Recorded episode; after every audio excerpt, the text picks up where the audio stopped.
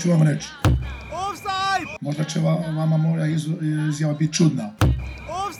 Ali kako smo igrali, još sam zadovoljan. Šta da vam kažem, da vam lažem. Pa ovdje u Slovenskoj, u Slovenskoj ovoj vašoj ligi nema lake tekme. Moramo biti bolj konkretni, če hočeš eh, zmagovati. Ne? klasičen vaterpolo. Uh, Vse nekateri so danes že spremljali žogo s podplatom. Zgleda so bili tudi oni, ne samo jaz tam na, dvorani. Drage offsetke, dragi offsetki, ljubitelice in ljubitelji futbola slovenskega, spoštovane, spoštovani, lep pozdrav v 65. epizodi oddaje Offside, oddaji o naši in vaši prvi ligi Telekom Slovenije, v kateri je najpomembnejši statistični podatek enega od naših bivših gostov, ta, da je 11.000 minuto že prebil v slovenskem prvoligaškem nogometu. Kdo, dragi moj sogovornik Klemen? Kirum. Absolutno. Uh, Klemen, dober dan, servus. To sem zdaj res trofal. Ja, res si tropo, ja, nisi ja, res. Andraš Kirim je prebil več kot 11 minut že v. Sem za varka. Ne, ne, ne, res, res, res. res, res. Uh, najprej lepo zdrav tebi, kak je? Dobro, 11 tisoč minut je dosti. Ja, um, pred oddajo smo se malo pogovarjali, da smo nadomestila izpad prejšnje oddaje. Jaz mi, upam, da nam ne boste zamerili najno, uh, najmanj kot prejšnji teden. Vem pa, nekateri ste pisali, da ste oddajo zelo pogrešali, kar nam seveda ogromno pomeni. Uh, je pa res, da je to blaš. Uh, sem šel prav gledat po 29. februarju, kar je bilo malo potem, ko si se ti pridružil. Ne? Mislim, da s tabo je mislim, ena oddaja samo odpadla, ko, mislim, da ena sama od februarja naprej, kar upam, da nam ne boste pretirano zamerili, ampak bova v tem tempu ustrajala naprej. Ne? Sploh če se spomnimo poleti, kako je uh, kljub pauzi sva, je bilo štofa skoraj da še več. Ne? Ja, torej, so, so bile evropske tekme, pa je bilo malo za pogovarjati. Ja, uh, v časopisnem uh, dnevniku, oziroma v dnevniku, smo v objektivu lahko brali zelo dober tekst, mimo grede. Uh, Zdaj pa sem pozval, kaj novinarki imejo, bom pol nekaj najdel, uh, ker je fajn, da izpostavimo tudi naše novinarske kolege. Mimo grede je bil novinarski festival, minuli konec tedna je bilo prav zanimivo slišati nekatere stvari. Naj tudi kakšne od gostov, ki uh, jih boste pripisali, mogoče bolj političnemu novinarstvu ali čemu, ampak jih bomo gostili tudi tokom zimske sezone. Ampak uh, zanimivo je bil, to bi naredil le za uvod, primerjava, ne, da recimo vadnina stane v povprečju, recimo za nogomet, isto kot za smočarske skoke, ne? tu nekje med 50 in 100 evri, zgolj članarina in eh, ta efekt. Ne? Kar me je malo presenetilo, ker bi mislil, da pač smočarske skoki da pač stane. Ne?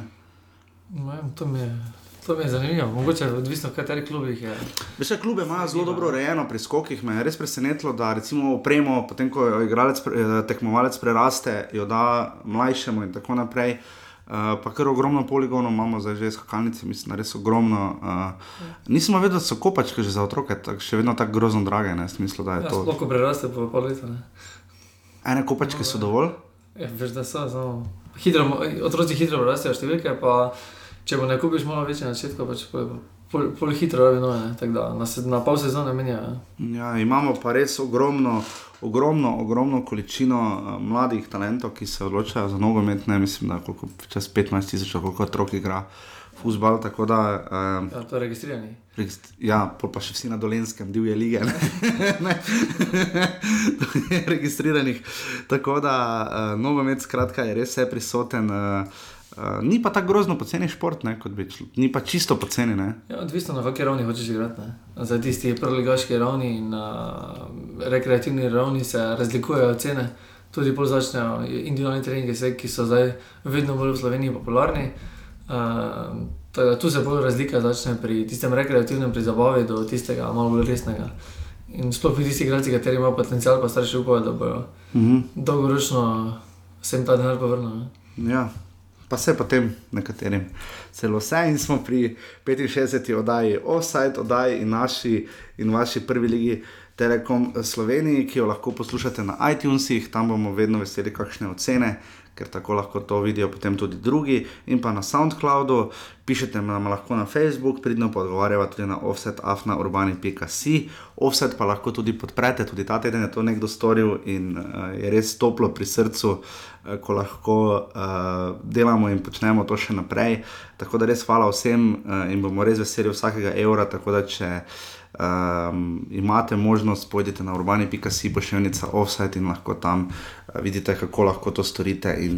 Podprete najno, uh, najno retorično brcanje o slovenskem futbalu, v katerem um, se kar naprej dogaja. Ne? Zdaj smo res v takem pestrem ritmu. Uh, 10. decembra se konča jesenski del uh, prve lige, uh, noben ne ve, kdaj se druga liga konča, ker je tekme so še, mislim, da še celo 3. decembra je še ena od tekem, še naslednji vikend. Odpadlo, se tekem. Dosti tekem. V prvi ligi pa skoraj nobena.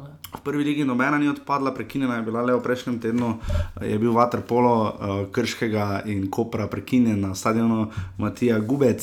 Uh, je pa res, da so tudi v, uh, na areni Petrol imeli cel žur, kot se je izrazil še en od naših bivših gostov, Dalibor Volaž, da je bil klasični Waterpolo. Tako da mi, da bo vas klemnom združila v tej oddaji, torej 17 in 18 krok, smo pa na polovici sezone. Ne? Ja, 18 krok. Um, na polovici ima Radomlje 5 točk. Uh, razlika je zelo velika, vidimo, da se je zdaj začela že razlika delati. Da, Grozno velika. Ne? Tako da že med uh, prvim in tretjim ne, uh -huh. je, je, je, je, tri, je pet točno, samo ne, pa pa že 14. Ne. Ja, uh, četrt... četrtega mesta je že se tudi delalo razlike. Uh, in tudi od, na koncu konca od Kopra do Radomlja je zelo velika razlika. In, uh, mislim, da po, po tretjini se bo že, že vedlo. Dejansko vprašanje, koliko zamenjaš, še sploh no, vedno manj. Zelo lahko zdaj vidimo tudi, uh, kako se pozna širina kadra in kondicijska pripravljenost. Ne? To se trenutno zdaj pa res že pozna pri nekaterih klubih. Uh, in recimo ožina kadra, pogleda, recimo Alumini ima stra, strašne težave, pride do gola, ne zna gola, krško je bilo brez uh, treh, štirih igralcev Maribora, popolnoma nekonkurenčno.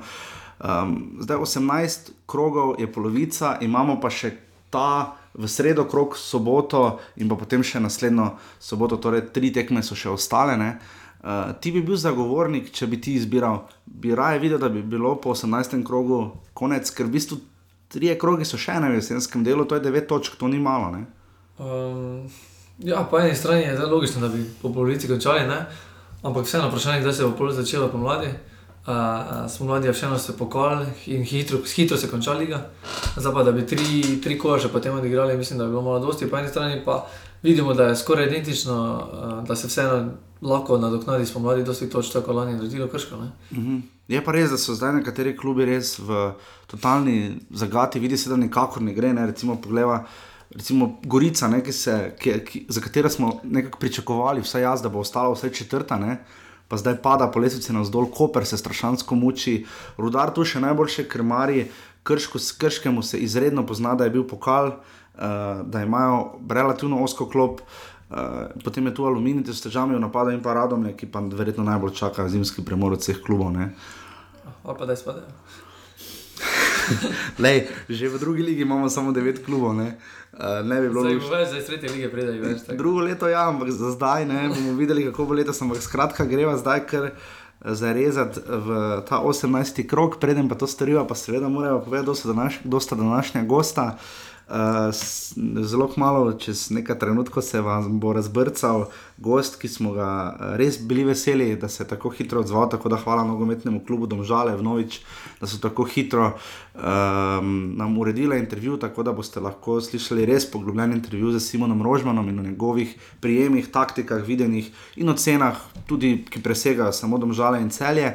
Proti koncu pa se bo razbrcal fant, ki je sicer tenisač po svoji osnovni profesiji. Ampak nam je že Maja pisal kot zelo velik navdušenec, ne samo velikega futbola, bog ne da rečeš mali futbol, ne, to je res grozane. Ampak tudi spremlja futsal, ki smo ga ta teden lahko spremljali v Mariboru, ker je v Brezi oziroma Projenu, kakorkoli že, zmanjkalo res malo ne, na koncu, da bi naredili.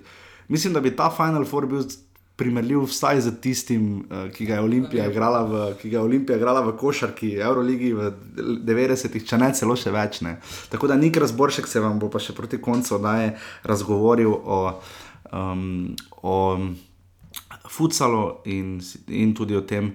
ali bi raje videl, da bi pri penalih bila tišina, ali da bi se lahko pri servisih na glas drli. Zdaj pa greva kar takoj na vrat na nos v 18. krok. Uh, prva tekma je bila odigrana v Velenju, uh, Ruda Radomlje in pa izjava uh, uh, gospoda Krčmareviča. Ne? Pa v ovoj vašoj ligi, ne, ne ima laki kutakmica. Ne. Uh, kar, je, kar je kompliment za radomlje. Ne? Ja, vseeno je, ampak drugi strani, ko pogledaš na lestvico. Uh, In bolj malo pomaga. Ne? Ne, zdaj to, da, da po vsaki tekmi, ki jo izgubijo, torej izgubili so že 13 krat, po vsaki tekmi rečejo, ja, je težko, bilo je težko premagati. Ne, zdaj.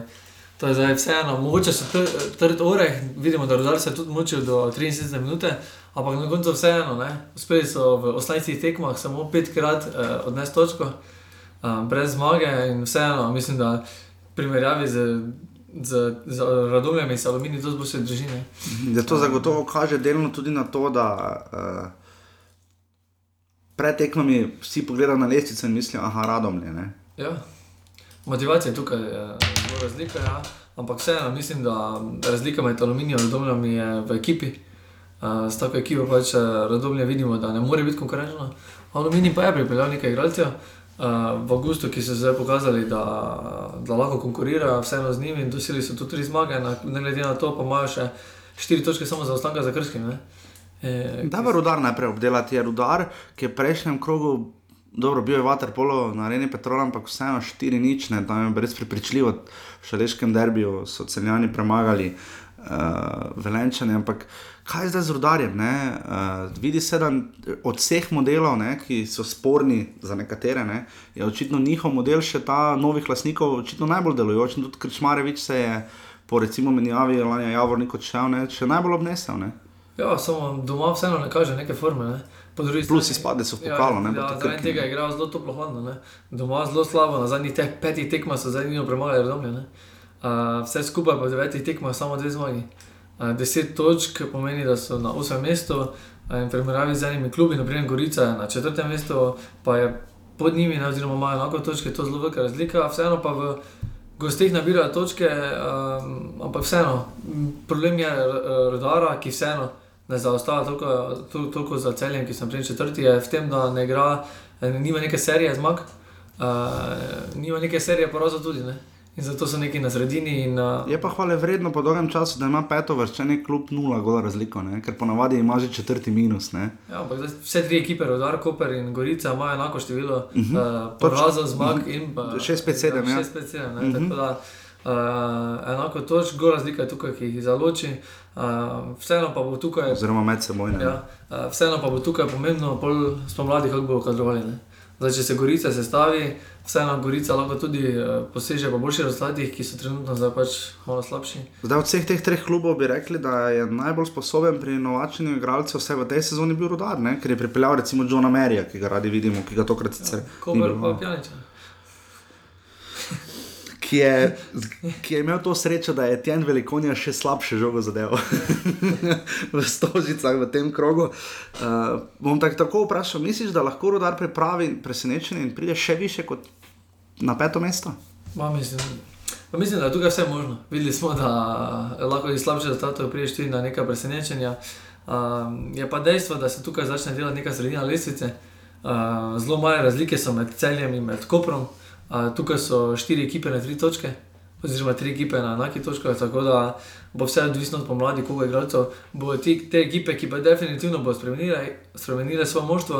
Uh, cel je definitivno je že zdaj spremenilo, že med sezono, ja, kope. Pa džaba, ne, na koncu. Ne, ampak tu bo odvisno, koliko bo tukaj stabilnosti, kako se bo pripravljali in kakšna bo tista, uh, kakšna bo tista pomlad, uh, oziroma 15 tekem. No. Moram reči, da me je Slobodan Kačmarevič zelo prepričal. No. Zdaj, okay, če bo naslednji krog izgubili, bom spet kaučarsko rekel, da je katastrofa. Ne. Ampak ne bom pretiraval, je pa res, da je Rudar je prvič v tej sezoni na petem mestu, više še ni bil. Ja. Um, tako da, okay, kaj pa radomlje? Radomlje so mene res presenetilo, sploh po fenomenalnem intervjuju, ki smo ga imeli v Offsetu. Pa to zdaj ne hvalimo sebe, hvalimo gospoda Jana Zažilnika, ki. Uh, je verjel v neko dolgoročno prihodnost, verjel je v uh, neko zgodbo, ki jo bo lahko zgradil, proboje z mladimi. Je, Janez Žilnik je drugačen, gre z radom, kot Dejan Džuranovič.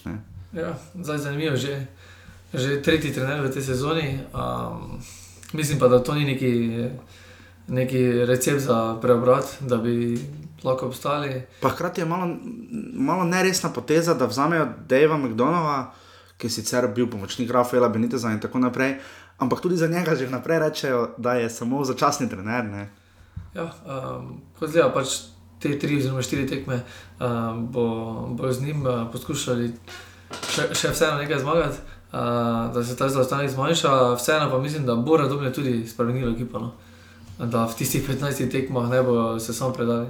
Rabijo bolj še ekipo ali rabijo trenerja, ki bo iz te ekipe več sposoben? Pa igralci, ki so bolj izkušeni. Uh, vseeno, je tukaj, manjka, ja. uh, vseeno je tukaj druga liga, primerjaj s prvo, je zelo velika razlika. In ti igralci, ne glede, če so imeli izkušnje v drugi ligi, še ne pomeni, da lahko prvo ligo je enako vredno igrati. Imamo pa kar nekaj trenerjev, ki nima službe. Ne? Ja. Od Jrneja Javornika, Šimunža. Ante Šimunža, ki ne vem, za, sem- mislim, za pol leta boljše kot nič. Ja. In še štiri drugi bivši selektori.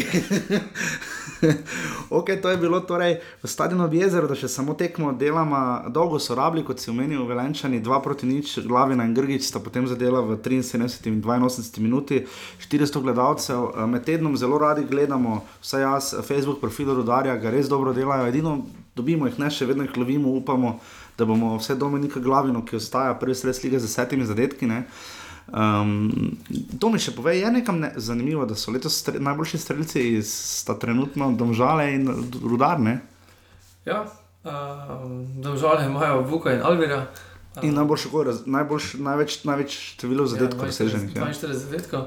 Um, vseeno pa je tukaj Zahovič, ki ima na manj tekmah, uh, jih pridno lovina. ja, mislim, da koliko 420 ali koliko minut potreboval za pa 6 šest zadetkov. ja. zadetkov. Tako da, glede na to, da se malo kasneje priključil, ni dobil toliko minut tudi in uh, je hitro lovina. Zdaj Ja, ja, vi- že na tretjem mestu in, in lahko je hitro, še v, treh, še v teh treh krolih lahko dohiti, glede na to, da se lahko več poškodoval in še jih lahko dohiti. Je pa Slobodan Vuk taki prototip napadalca, ki bi ga recimo potrebovali klubi kot so Radomlje, Aluminij in še kdo, ne, ki je taki res robusten, korpulenten in zna dati gol. Ne. Uh, zelo zanimiv igralec, um, ki je že nekaj časa v državi. Zanimivo je, da mogoče se tudi ga poškodbe malo uh, oddaljuje od kakšnega prestopa. Uh, vseeno pa ima še zdaj prihodnost, pa da glede na to, da države zelo igra atraktivno, da še lahko doseže več zadetkov. In ko smo že pri domžalah, domžale cel je 2 proti 1, v bistvu je to bil derbi kroga, s tem bi se kar strinjala. Ne? Je bil derbi kroga 2 proti 1. Uh, z dveh prekinitev so dali, uh, če se dobro spomnim, domžalčane zadetke. Vem, da prvega zagotovo, ko je zadev vetrih, Bal, po podaji Balkovca. po podaji Balkoca, Vuk pa je potem tam tudi zelo v kazenskem prostoru. Mislim, da se zelo dobro znašel. Hadžič je sicer znižal v 71 minuti, uh, ampak po prikazanem so imeli domžalčani precej več odigrane kot celjani. Ja, seveda tudi večjo posest, več treba na gol. Um, uh, pa videlo se je mogoče, da so tudi um, malo v boljši formi. Uh, vseeno so tri za- zaporedne zmage. Od uh, zadnjih uh, petih tekem, šestih tekem so petkrat zmagali, izgubili so samo z Olimpijo. Tako da vseeno so v dobri formi, držijo nek priključek Olimpije oziroma Marijo. Pritisk držijo malo tudi, ne? Držijo, ne, ampak so pa tiste medsebojne tekme, ki jih pa oddalijo. Ja. Izgubili so medsebojno in z Mariborom, in z Olimpijo, in tukaj so naprimer šest, šest točk izgubili, ki bi jim zelo prav prišlo. ne. Tako da trenutno še držijo nek a, priključek, pet, tekem, pet točk za Mariborom, še vseeno ni nek zastanek, ki bi lahko rekli, da je velik. Ne. Kaj pa celjani? Kaj je za celjani, vodi jih Igor Jovičevič, njegov pristop je res toplo hladno, ne? 4-0 so premagali, rodar v prejšnjem krogu, zdaj so znova izgubili in res stavajo na lestvici in v igri. Ne? Mislim, ekipo imajo, kot smo videli v ljudskem vrtu, tudi celjani imajo dobro ekipo, ampak ne znajo nikakor tega povezati v neko zdravo celoto, kar je, kar je recimo težava tudi Kopra. Ne? Ja, ampak moraš vedeti, da vseeno je celje v zadnjih treh tekmah, eh, štirih tekmah enkrat zmagal. In to samo rodar doma. Uh, tako da vseeno problem celja ostaja. Uh, ne vem, ogromno so spremenili ekipo, uh, zdaj še prihajajo v Stožice, uh, zdaj še tekmo proti Olimpiji. Mm -hmm. in, uh, Čisto možno bo, da bo zadnjih pet tekem, tri točke samo ostale ne, na, na lestvici in vseeno, ne glede na to, da se mogoče zdaj izgleda, četrti so na lestvici, pa je dobro. Ampak ne glede na to, zgubljajo točke. In, um, in marsikaj od teh četrtega mesta je zaslužen Robert Pevnik, Tako ki ga bomo še nekaj časa očitno omenjali v offsajdu, ki ga zelo pogrešamo. Uh, 800 gledalcev se je zbralo v uh, Domžalskem športnem parku, sodil je najpopularnejši krajčan v Mariboru, gospod Nejc Kajtazovič, ki ima tukaj zdaj Nejko. Uh, In pa sedaj se bo pa razbrcal res um, trener z um, arzenalom in mitraljezom lucidnih misli, eh, ki ga je res fajn poslušati, tako da upam, da boste uživali v intervjuju, uh, v katerem se bo pa zdaj razbrcal tren, nekdani trener celja in trenutni trener Domžal, mož, ki je uh, res nabil gol razliko v višave in uh, igra, mislim, da vse jaz bi se strinjal, da implementira najbolj atraktiven nogomet. No. ja, Sluh na teh manjših tekmah eh, zelo pride do izraza. Tako da zdaj bo brcal Simon Rožman, trener nogometnega kluba Domžale.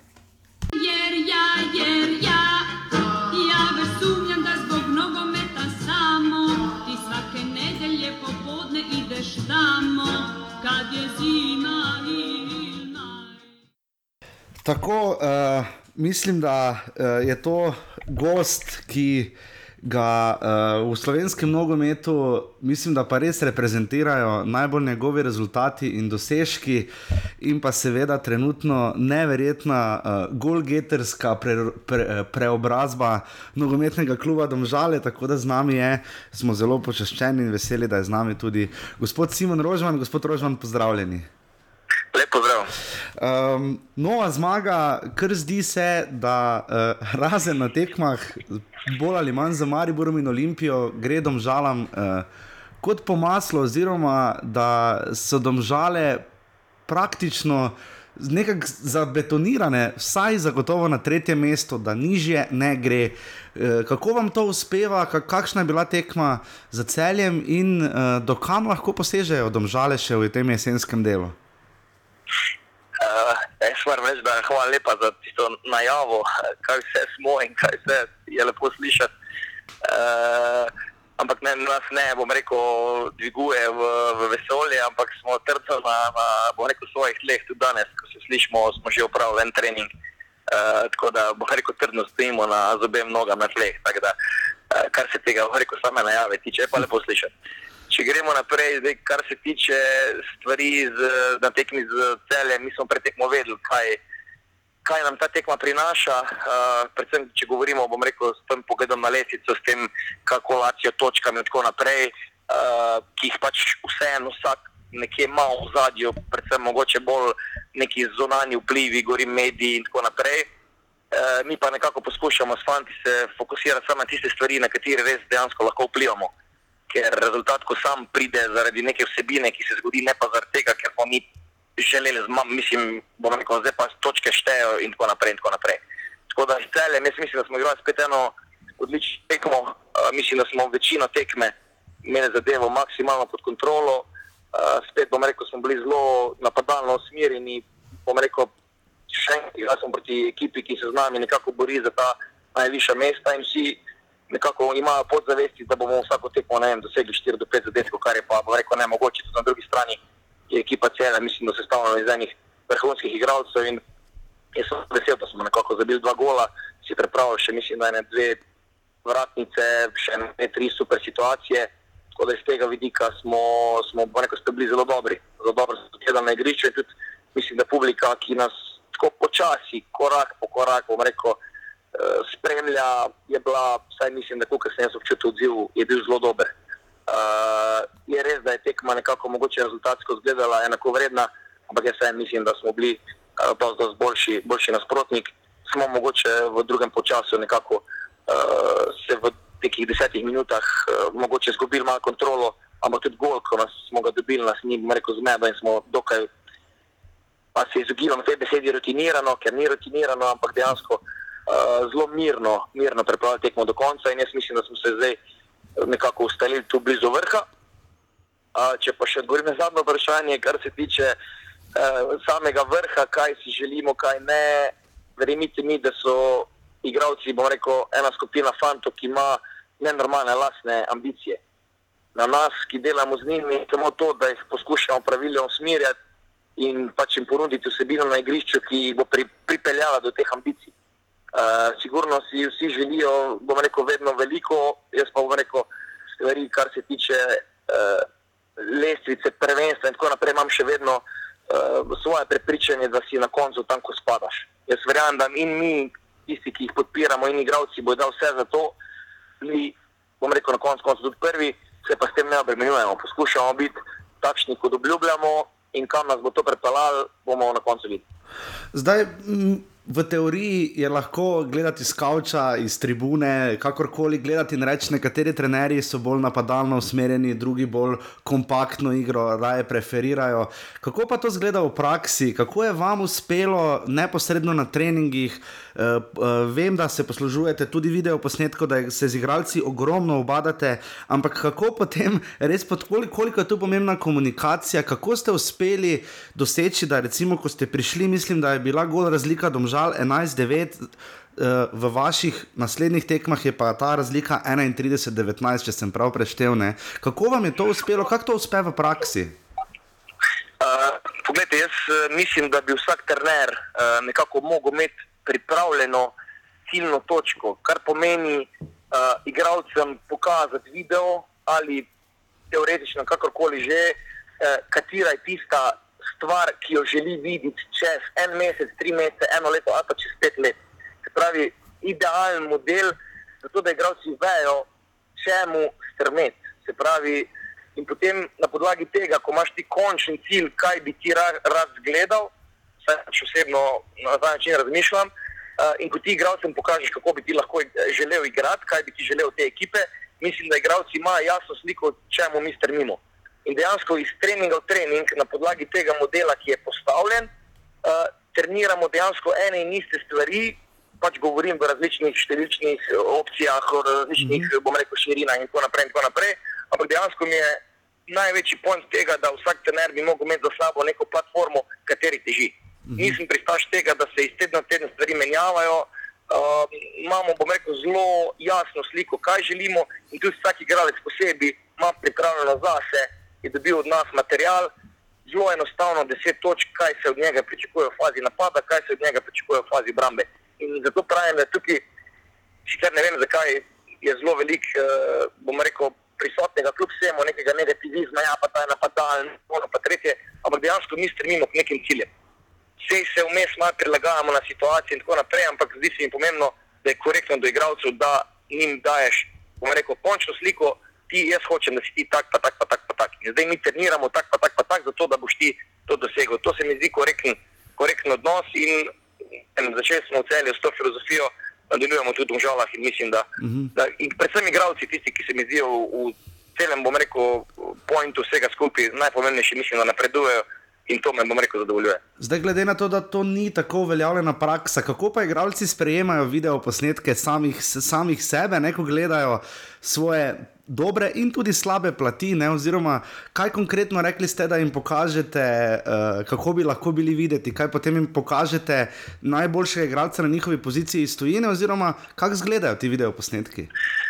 Ja, točno to, točno to. Za vsako igralno mesto pokažemo stvari, ki se delajo v Evropi, ker oni, če želijo, bomo rekel, iti na višji nivo, bojo mogli stvari speljati na tak pa tak način. Tako da to absolutno pokažemo stvari, imamo že pripravljeno, uh, kako bi mogli izgledati Winger, kak je evropski Winger, ali se pogovarjamo o Smithu, o Kristijanu Ronaldu ali pa o Benjaminu Verbiču, stvari, ki se ponavljajo, so iste. Zdaj samo izvedba, mogoče enkrat taka, drugič taka, ampak še enkrat govorimo o takšnih zadevah, kakšni bi mi njih želeli v zadju je vedno kondicijska plat, kaj je treba narediti, da boš ti do tega prišel, in seveda, bom rekel, naši eh, medsebojni odnosi znotraj igre, spravi, če govorimo o taktiki. In to so tiste stvari, ki jih mi postavljamo njim pred cilj. Kar se tiče pa igralcev samih, kjer oni, jaz mislim, da napredujejo, pa to, da poskušam biti z vsakim že od prvega dneva zelo odkrit. Mm -hmm. Ne zato, da bi njemu kazal napake, ker bi ga hotel učrnati pred ostalimi svojimi igralci, ampak zato, ker enostavno mu hočem pokazati, da bo na vse to storil boljše verjamete mi, te stvari niso lahke uh -huh. uh, v vseh teh odnosih. Bom rekel, v vsej tej uh, skupini ljudi, ki vsak išče rekel, svojo uh, zgodbo pod soncem, imamo zelo širok igralski kader. Uh, verjamete mi, vsi bomo rekel. Trgajo na polno, če bi tako rekel, po domače, in tudi za nas, rekel, ni lahko zbirati. Kljub vsemu, da če aha, si ti pa zbiraš, verjamete mi, da ni lahko. Marsikomu naredimo krivico, ampak enostavno za 11 se jih moramo odločiti in pač poskušamo na podlagi tega, da bo najbolj za ekipo. In moram reči, da zaenkrat mislim, da nam dobro uspeva. Um, je pa, bom rekel, ta odkritost, eh, predvsem pa to, da jim želimo pomagati, ne pa, bom rekel, koga blatiti, uh, uh, en, en, en, en pomemben faktor. Znana je tista izjava Žozeja Morinja, ko je 14 od 15 minut med polčasom porabil za Marija Balotelja in mu razložil, naj vendarle ne dobi rumenega kartona, drugega. Ne? Kako so tu igralci, pa ga je potem seveda takoj dobil. Kako je ta komunikacija z igralci, koliko so oni pridni, omenili ste teh 10 točk, koliko se jih napame, eh, povedano po domače napiflajo, teh 10 točk. Kako poteka ta komunikacija, ne? ko igralcu pokažeš, da je nekaj konstantno počel na robe in to počne na robe, hkrati pa vidi posnetek eh, Gereta Bejla morda mu to lahko nek psihološki vidik zlomi njegova pričakovanja oziroma diskrepanco med realnostjo in tem, kar bi še lahko dosegel. Tako da kako poteka ta komunikacija neposredno z igravci, verjetno je to za vas zelo izčrpujoče. E, se strinjam, tukaj ste zelo dobro rekel, opisal oziroma ocenil točno direktno situacijo, ki se na terenu dogaja. Zdaj e, moram reči, da tudi v tej točki lahko rečem, da um, je ta um, stvar, ki si jo ne samo športniki, tudi na koncu ljudje, eh, bo rekel, postavljamo vedno neke meje. Se pravi, jaz pa želim, da bi te meje se zabrisale in si ne bi delali niti ne predsotkov, niti ne postavljali, bom rekel, eh, končni meja, jaz sežem lahko pa samo do tu. Jaz mm -hmm. moje mišljenje je tako, da ne moremo narediti v dani točki vse, kar lahko, pa bomo videli, kam nas bo to preneslo. Ne si reči, moj cilj je pa ne vem, druga avstrijska liga. Ne veš, mogoče boš lahko prišel pa v ligo top 5 in to že kar nekaj časa, bom rekel, na ta način prosperira. Zdaj, če pa odgovorim na vprašanje, kako to zgleda, in pa verjamete, da ko se zadeve začnejo, vsak igralec uh, uh, nekako v pogovoru zanika, bom rekel, stvari. Ko mu ti pokažeš to vizualno, potem jih težko zanika. Mm -hmm. In bom rekel, ponavadi je tako, da igralci iščejo vzroke izven sebe. In ko ta stvar, bom rekel, poteka iz tedna v teden, iz tedna v teden, se pa igralci dejansko, bom rekel, pogledajo vase in lahko začnejo napake popravljati. Mm -hmm. Jaz moram reči, da v klubu smo že pred sezono, um, tudi nekako po Lukatovi ideji, um, bom rekel, vključili bom rekel, psihološki tim, se pravi psihologe, uh, ampak ne na način, da oni rešujejo probleme, ampak samo da oni njim uh, nekako individualno, se pravi brez moje vednosti, tukaj nema veze, bom rekel, s trenerjem, iz te, bom rekel, osebnostne um, lasnosti ali pa barijere, ali kako le že nekako poskuša z njimi reševati, zato da njim tudi po osebnosti plati pomagajo. Tako da mislim, da ta kombinacija um, je dobra, to ni še enkrat, to ni moja praksa ali pa praksa Lukota, ampak je bo neko stvar, eh, ki smo jo videli od zunih, eh, konkretno jaz v Tottenhamu ali pa v Kepnhavnu. Eh, ker zadeve potekajo rekel, na ta način, in mi samo rekel, želimo slediti eh, rekel, tem trendom. Mhm. Kako imate vi prakso, oziroma prijeme? Ne? Marjan Pušnik je bil znan po tem, da je kaj napisal na tablo, oziroma je zelo dober z frazemi, reki in frazami. Uh, Pep, Pep Guardiola je vrtel Coldplay in video posnetke Barcelone. Uh, imate vi kako svojo priljubljeno tehniko? Jaz moram reči, da se vrtimo rekel, okrog vseh idej. Uh -huh. uh, okrog vseh idej zelo mi je pač vseeno, da lahko stavim na neko osebno, osebno noto, kaj pretekmo bi pasalo in kaj ne. In pač bom rekel, potem sem pa pristaš tega, da je nekako ritem, tako je ritem ciklizacije v smislu kondicije. Eh, bom rekel, se čim manj menjava, enako je v smislu taktike, enako je tudi nekako v nekih pristopih. Eh, ja, imam, bom rekel, še v, sigurno neke skrite jokere, če temu rečem, na kak način, kdaj bom rekel, pritisniti na njih v smislu motivacije ampak še vedno pa poskušam, poskušamo, ne samo jaz, eh, vsi vplivati na njih, da so oni, bom rekel, notranje motivirani, ker to je tista, bom rekel, največja motivacija. Zonanja pride, pa gre, notranja pa ostaja in za njih na dolgi rok, ker pač moje osebno mnenje je, da ne želim igralce koristiti za sebe, zato da bi dvignil neko svoj imič ali karkoli, zato ker se bo nekdo prodal, ampak enostavno igralce ne pripraviti na naslednjo stopnico. Da ko bo šel on ven, da bo tam lahko igral, ker da mi naredimo samo nek transfer iz tega vidika, da bomo rekel, tu nečke, bomo rekel, si povrnemo neke stroške ali kakorkoli, pa igralec gre tja in se čez dve leti vrne, mislim, da nismo naredili nič. Omenili ste, ne, te, dokot, lahko igra, dokot lahko igralci sežejo in česa so sposobni. Kako je bilo videti v slačilnici med polčasom v Ljudskem vrtu, ko ste, vse moja ocena je bila taka, pošolali takrat Maribor in imeli res dober rezultat, in takrat je kazalo, da bi lahko domžale pa resno posegle v ta duopol, ki ga gledamo med Mariborom in Olimpijo. Kakš, kako je bilo med polčasom in kako je bilo potem po tekmi? Uh, poglejte, tako, med polčasom, kar se nas tiče, je, bila zadeva, uh, tukaj ljudje mogoče malo mal narobe zadeve spremljajo. Poglejte, jaz uh, trenažni proces jemljem kot proces. Mm -hmm. In uh, mi nekako si ne moramo znotraj, sploh v začetnih fazah, če govorimo v, prvi, v prvem mesecu, zdaj čist, bom rekel zelo enostaven primer. Če ti fantom govoriš, želim, da igraš naprej, naprej, naprej, naprej ne morem jaz pa sredi tekme, zdaj pa reči, ne, zdaj pa stop, zdaj pa pozabite vse, kar smo delali, zdaj pa se mi zaprimo v tem kontekstu, razumete? Uh Mhm. -huh. Ker mi še v tistem obdobju nismo bili na nivoju, da lahko mi znotraj tekme menjamo in taktiko in tako naprej in tako naprej. In sem samo želel, da nadaljujemo v tem ritmu. Verjemite mi, da sem tudi sam vedel, da mi ne moremo zdržati 70 minut, ampak drugi gol, mislim, da bi zadevo odločil. Uh -huh. In mi smo blizu tega bili. Žal se, bo rekel, neke stvari so se zgodile v drugo smer. Tako da v garderobi absolutno ni bilo kaj druga, kot da nadaljujemo v tej smeri bom rekel, samo nekaj pozitiva.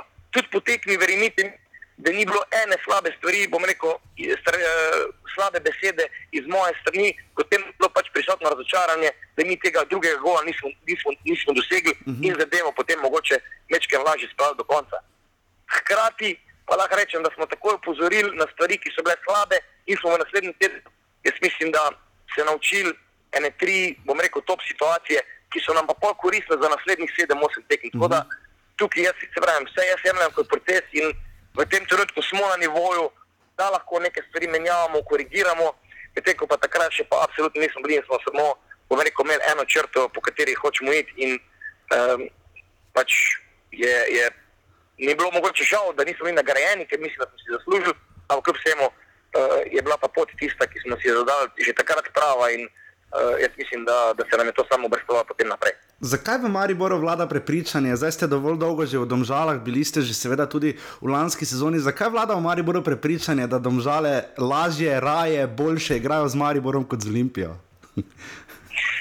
Jaz to bi težko, težko, težko rekel. Jaz tudi nekako je bilo iz strani stvari, ali si oni puščajo, ali so to neki deli v zadnji, ne vem kaj vse.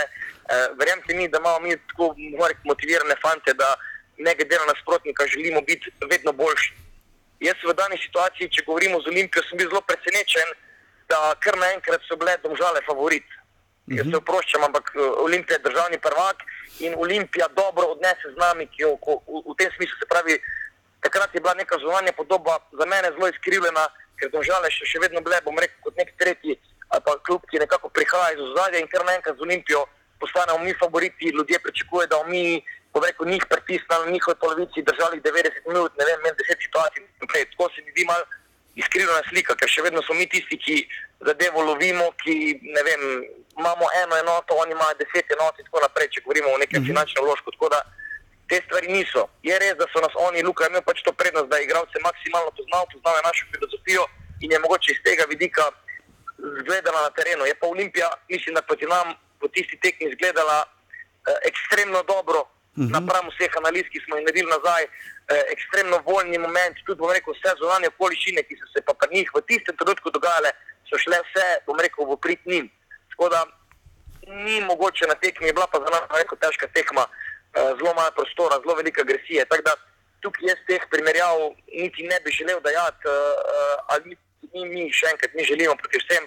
So pa mogoče stvari, ki so mene osebno presenetile smo kar naenkrat držali, ratale klub, ki, ki bi se jih vsi ostali mogli bati, še vedno so pa tu pred nami, bom rekel, Olimpija, pa Maribor, po vseh vložkih, povsem. Tako da takrat je mene to zelo malo presenetilo, ampak pomembno je bilo, da smo se mi hitro pobrali, želimo, bom rekel, delati svojo zgodbo in zaenkrat smo lahko tam tukaj uspešni. Mislim, bom rekel, veseli, kako je trenutno stanje. Zdaj čaka vas še tekma z Mariborom pred. Uh pred zimskim premorom, ki ga verjetno zelo čakate, posebej vi, ker ste znani potem, da se poglobite v delo in verjetno komaj čakate na, na zimski premor. Lahko v zimskem premoru domžale kaj spremenijo v tem oziru, oziroma nadoknadijo te enote, o katerih govorite, zaradi katerih sta Maribor in Olimpija pred domžalami. Jaz moram reči, da te enote, kar se tiče finančnega vložka, ne moramo. Jaz Mhm. mislim, pa, da po organizacijski plati, jaz moram reči, da se ekstremno, pa ne zdaj, da bi karkoli, bom rekel, vinkaro, um, nekako smo naredili ene mini, mini organizacijske spremembe in moram reči, da verjemite mi, da tukaj od, bom rekel, ekonoma, vseh državljancev, da, da nekako v zadnjem obdobju nenormalno, bom rekel, diha z nami. Tako da v tej plati sigurno mislim, da smo jih ujeli, ali pa celo prehiteli.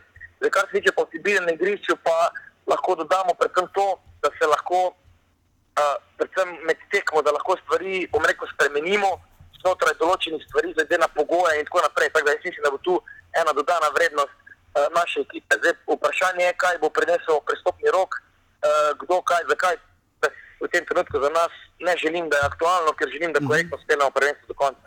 Mhm. Uh, Omenil bi še mogoče samo to, glede na razpoloženje fantov, glede na širino igralskega kadra, bi si mogoče mi celo želeli, da bi kako koli dlje odigrali. Ker enostavno mislim, da fanti želijo še marsikaj pokazati. Tako da iz tega vidika bi si želeli, da bi sezona trajala še mečken dlje. Uh, ampak še enkrat, to so stvari, na katere ne moremo vplivati. Jaz si želim, da bi uh, bom rekel, vse stvari, ki potekajo, kar se tiče zunaj nas, ostale na podobnem nivoju in verjamem, da bomo mogoče naše navijače še vedno razveseljali tudi v spomladskem delu, nekako s takimi igrami, ki jih kažemo. In če bomo, mislim, na takem nivoju, da potem tudi rezultat ne bo izostal.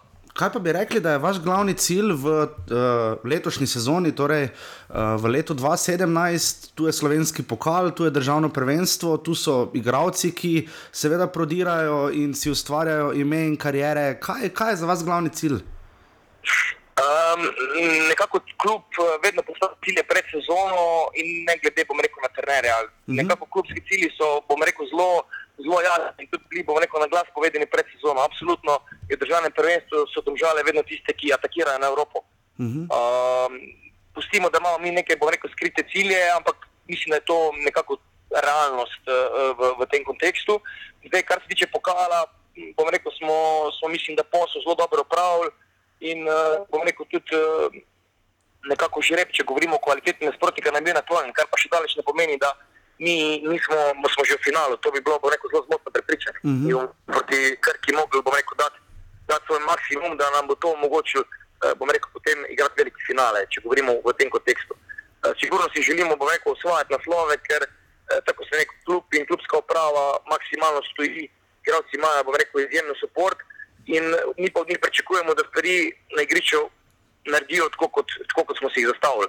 Uprava oziroma pač športni direktor je tisti, ki, bom rekel, v povezavi z nami kadruje, kar pomeni, da ko igralci dosežejo, bom rekel, raven, kar se tiče stroke, spremljivo, da on lahko v, v do, točno določenem klubu, ki se zanima, igra, da on pride tja z dobrimi pogoji in hkrati, govorim, finančno klub zadosti, potem je tudi moj, moj bom rekel, trikrat da. Uh, če, pa, če pa zadeva, bom rekel, ne stoji, pomeni, da igralec v klubu, kjer je, ni v plačilni listi uh, top 10 in da je transfer, da nekdo za njega plača, potem jaz tudi igralcu svetujem, da se za to ne odloči, kljub temu, da bi klub, bom rekel, neki dobo za to, ker je to, bom rekel, izkušnja za tujine.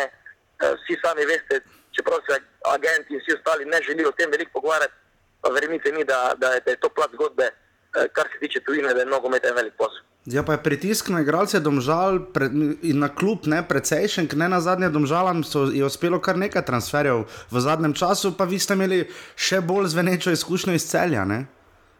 A, absolutno se tu strinjam. Jaz mislim, da vse nekaj izkušenj imam, uh, pa predvsem se rad, bom rekel, veliko pogovarjam, bom rekel, s starejšimi kolegi, pa tudi na koncu koncev, uh, bom rekel, z enimi zelo izkušenimi, bom rekel, v smislu nogometa, da oni to zgodbo zelo poznajo. In jaz na podlagi primerov, uh, ne vem, kar se tiče Verbič, Bajde, ne vem, Vrhovec, Sani, na koncu tudi Brejini, v času, ko je šel na posoje in tako naprej, ob toč porare, do vseh teh zadev so mene zelo zanimali detajli, eh, kako so stvari tekle. In jaz mislim, da v tem trenutku lahko igralcem svetujem, predvsem tem mladim, eh, ki bi želeli to tujino, je za mene znamka 100 tekem prve slovenske lige, prvi pogoj tisti, da je ena stvar resna, če uh -huh. govorimo o tem. Uh -huh. uh, druga stvar, tako ste rekel, so finančni pogoji, ki jih on, igralec v naslednjem klubu ima, se mi zdijo zelo, zelo pomembni. Uh, in tretja stvar, tudi na koncu koncev transfer, ker ko nekdo za tebe nekaj plača, eh, verjemite mi, da te potem tudi eh, ceni na ta način. Tako da to so zelo pomembni faktori. Verjamem pa, da bo tudi športni direktor naš imel v tem prestopnem roku, ker bom rekel neki, eh, neki dela, pa mislim, da je za klub Uh, hvala Bogu, da je tako tudi na koncu koncev za igralce. Uh, na, njihov, na njihovem, bom rekel, razvoju je pa spet ista stvar, kar sem jim tudi nekako povedal, da vsi ti zunani faktori se bo z njimi srečali v karieri. Uh -huh. In jaz, če rečem primer Verbiča, ki mi je bil fantastičen primer, kakšni so bili to pritiski, kaj vse se je s fantom dogajalo in na koncu koncev, kak je on vse zgledal na igrišču, uh, bom rekel, lahko takrat rečem sam kapo dol. In to bi jaz pač tudi fantom zdaj nekako polagam na dušo, da stvari zunaj se bodo dogajale in če je njim pritisk v tem trenutku, da nekdo nekaj napiše, da pridejo tri ogledniki, potem bojo težko naredili dobre karijere. Uh -huh. In to so zunani dejavniki, na katere na oni ne morejo vplivati. Na to, kar pa oni delajo na igrišču, pa lahko vplivajo. In to je, bom rekel, meni ves point eh, celega tega šova, ki se dogaja. Ene stvari se dogajajo zunaj mediji, ki morajo biti prisotni, pritiski, ki morajo biti prisotni, druga stvar pa, ki se izvaja na igrišču, eh, ki, ki mora biti prava, ker brez prave zgodbe na igrišču pa tudi.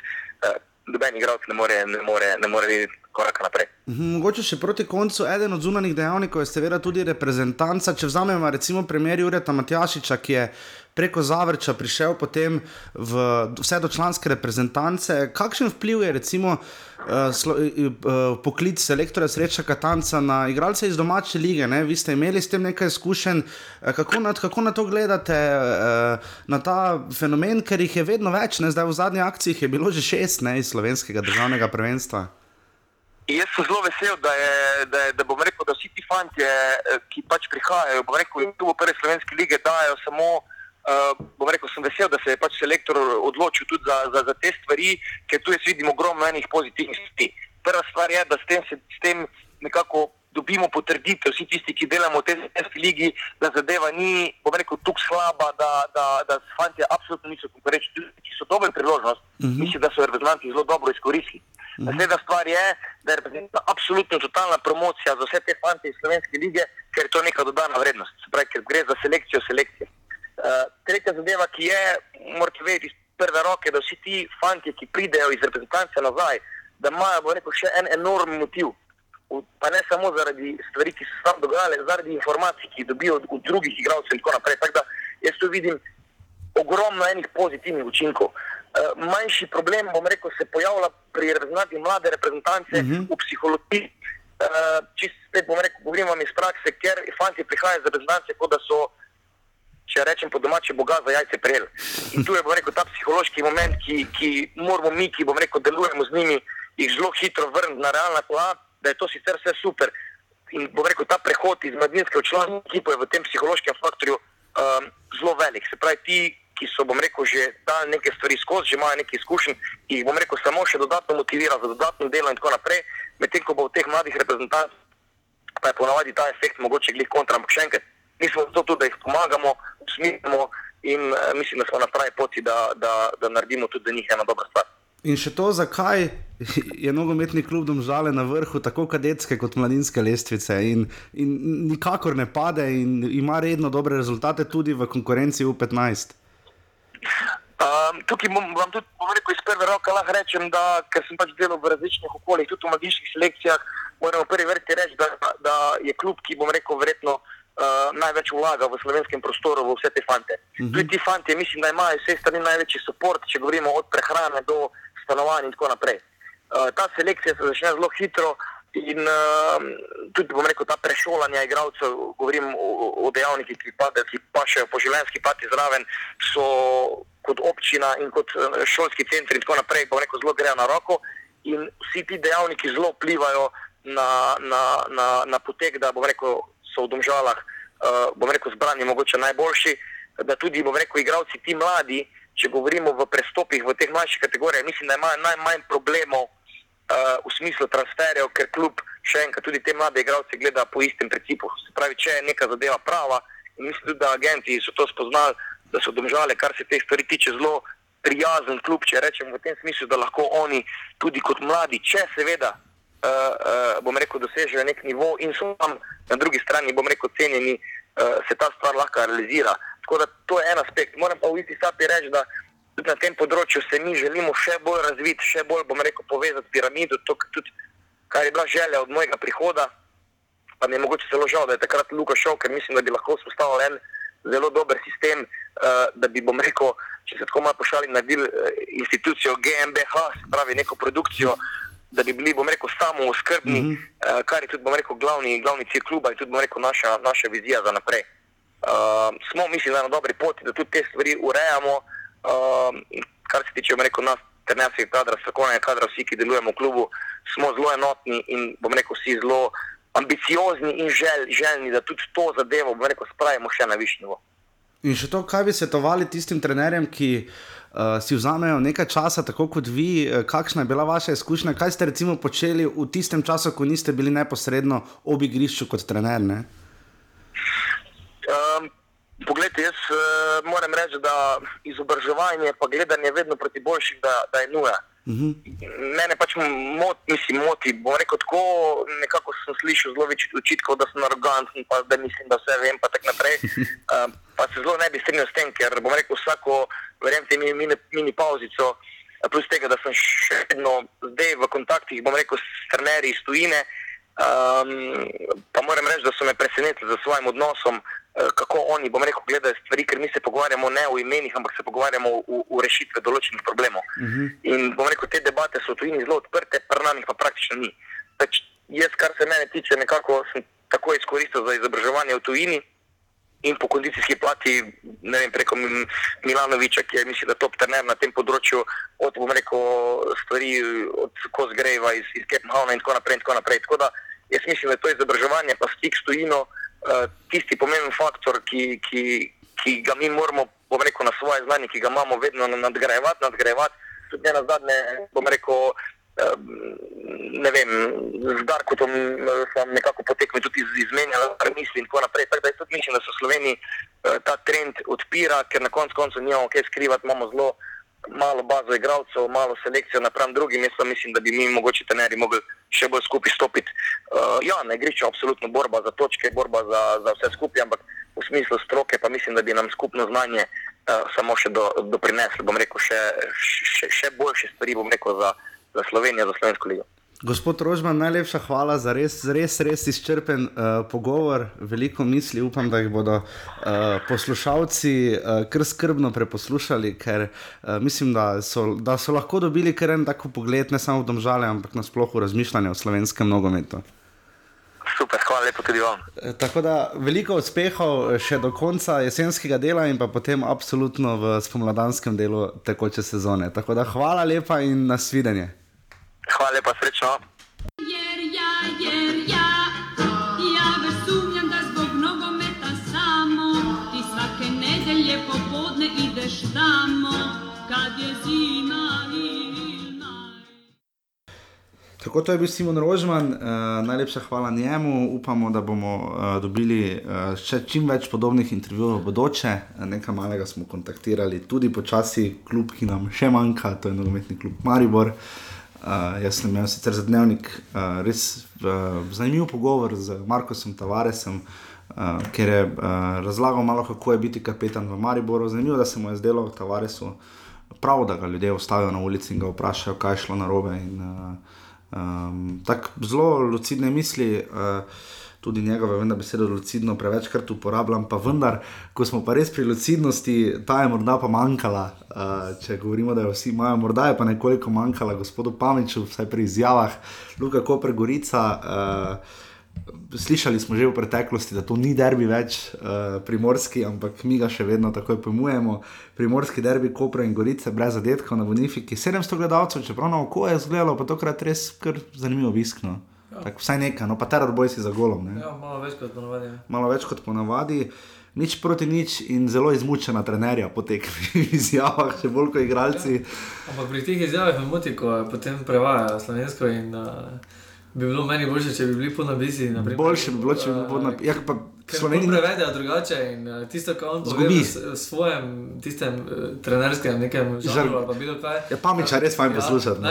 Tisto na začetku, par sekund misliš, da bo ok, potem pa začne slovenska, slovenski prevod in pol zgubi nekak um, tisti čar, kar on želi povedati po tekmi. Ne? Ja, pa tudi nismo navajeni sinhron, sinhronizacije, čeprav je bila ta v državnem zboru celo že nekoč predlagana, da bi v zakonu RTV, mislim, tako spremenili da bi na televiziji, kot da Donald Trump izjavlja, recimo ali pa Vladimir Putin ali kdorkoli, da bi se ga pač sinhroniziralo, ne pa podnaslavljalo, čeprav jaz bi tudi bil velik zagovornik uh, tega. Uh, je pa res, da se nogometna zveza Slovenije zelo trudi z prenosi, uh, zdaj komentatorji so na vseh tekmah. Na Twinu, oziroma na Siolu, oziroma to, kar pač lahko gledamo, tako kot bomo, vas bo večina privržencev Olimpije gledala tekmo v sredo, ne, ki ni v prenosu Olimpije in celje. Um, upam pa, da bo še montaža malo boljša, ker prej je bila samo ena kamera, ne, pa se res morda včasih ni dobro videlo, ampak je pa ta montaža, režiserska med tekmo, so pa preskoki včasih, ko je res zoom, zoom v kazenski prostor, pa te, je pa preblizu in težko gledati. Ne. Ampak vseeno, to, kar imamo, mislim, da je boljše, ne samo boljše kot nič, mislim, da je na zavedljivi ravni. No. So highlights, če že jih omenjam, ampak highlights dejansko niso bili slabi na tekmi Kopra in Gorice. Uh, tam tisti lop. Uh, Nekdo bi si mislil, da je tekmo bila brez priložnosti. Daleč od tega. Je bilo zanimivo, dosti priložnosti, uh, nekaj zanimivih strelov. Bila je mogoče še Gorica bliže, uh -huh. uh, zmagi tudi posestni imajo več, več strelov, mogoče, ampak vseeno, uh, na koncu remi. Uh, obojni so prekilni, mogoče taki, taki mali. Uh, res slab nis. Slab nis, naprimer, Koper je doma imel štiri zaporedne poraze. Polpad. Ja. Štiri zaporedne poraze, zdaj pa je po štirih porazih doma, je, je zliko točko. In Gorici res ne gre, ne? Ja. Gorica ima v zadnjih petih tekmah dva remija, tri porazi. Ja, um, Za ekipo, ki je tako naduševala v pokalu proti Mariboru. Ja, mogoče glih tiste Tisti, ki so bili preumni, nekako so se najbolj izmužili. Ampak ironično, Srebrenic je takrat rekel: upam, da je to dokaz, da smo sposobni za Evropo, ne? pa se je izkazalo ravno obratno. Ja, Zdaj imamo zadnje tri tekme, da, um, da si izboljša pozicijo, vseeno imajo zdaj aluminij, uh -huh.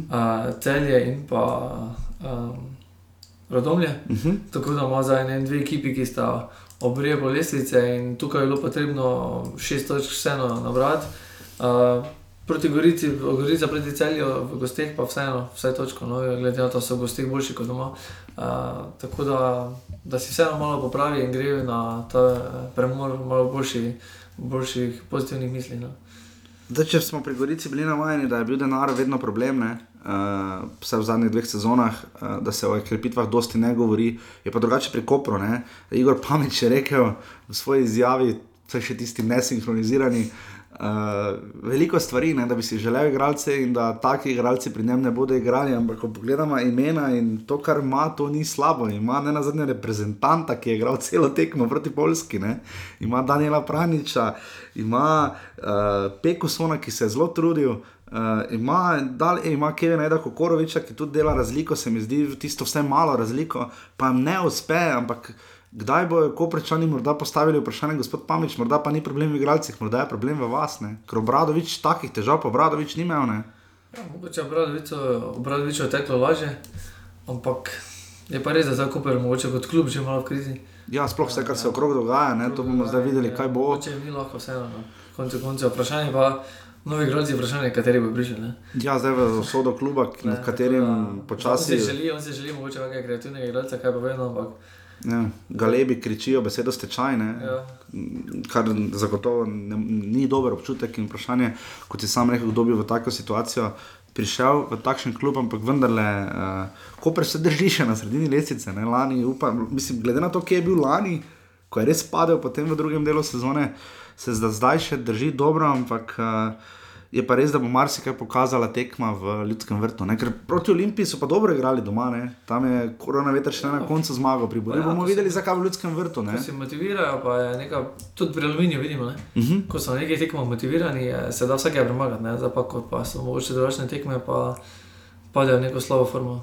Bomo videli, da Daniel Pranič prihaja v Ljudski vrt, si ga bomo skrbno pogledali v sredo, kako pregostuje tukaj v Ljudskem vrtu. Uh, bomo videli, kaj bo skopra. No, je pa res, da zdaj trenutno usoda kluba res je nejasna. Uh, trenutno je glavni pač uh, upnik kluba, ostaja Milan Mandarič, zdaj, ki se je zelo boril pravno, ne upravijo pač pravna sredstva, ki mu pripadajo in je postal pač trenutno ne ravno glavni, ne, ampak je vprašanje tu, pa to zdaj ne leti na rovaš. Neposredno, gospoda Mandariča, pač znašli smo se v situaciji, ki je rahlo kočljiva za celotno ligo.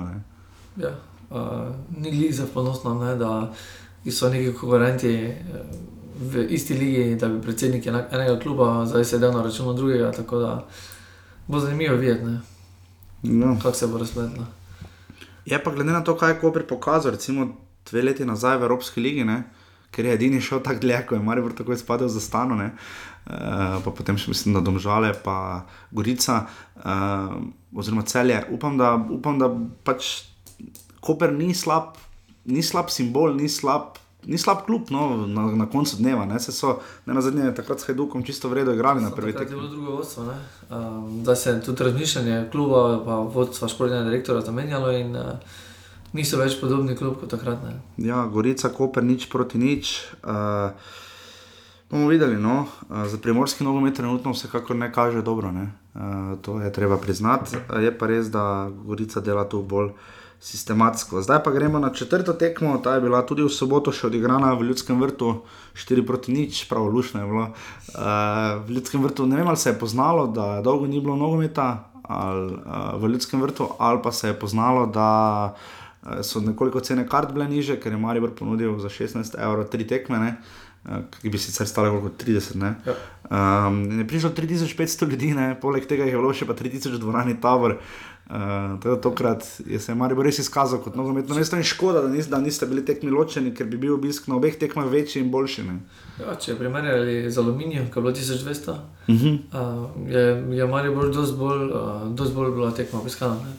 Ja, če pogledamo, ja, v Ljubljani nekako ni. Uh, Ni, ni, ni, ni, ni tega efekta še v Mariboru, pa 3500 gledalcev, sodijo Rade Obrenovič, uh, Um, in malo je vse končal zelo, zelo, zelo hitro. Uh, mi smo se na novinarski tribuni pogovarjali o marsičem, sklopu nogometa, uh, ker se pol z drugim počasom na igrišču res, da se ni do, dogajalo. Marijo je imel 4 nič, ni dolgo v drugem času, res da. Ja, hvala, hvala Bogu za, za, krško, za krško, da še niso dalje igrali na enak nogomet kot v 18 minuti, ko je že bilo 3 nič.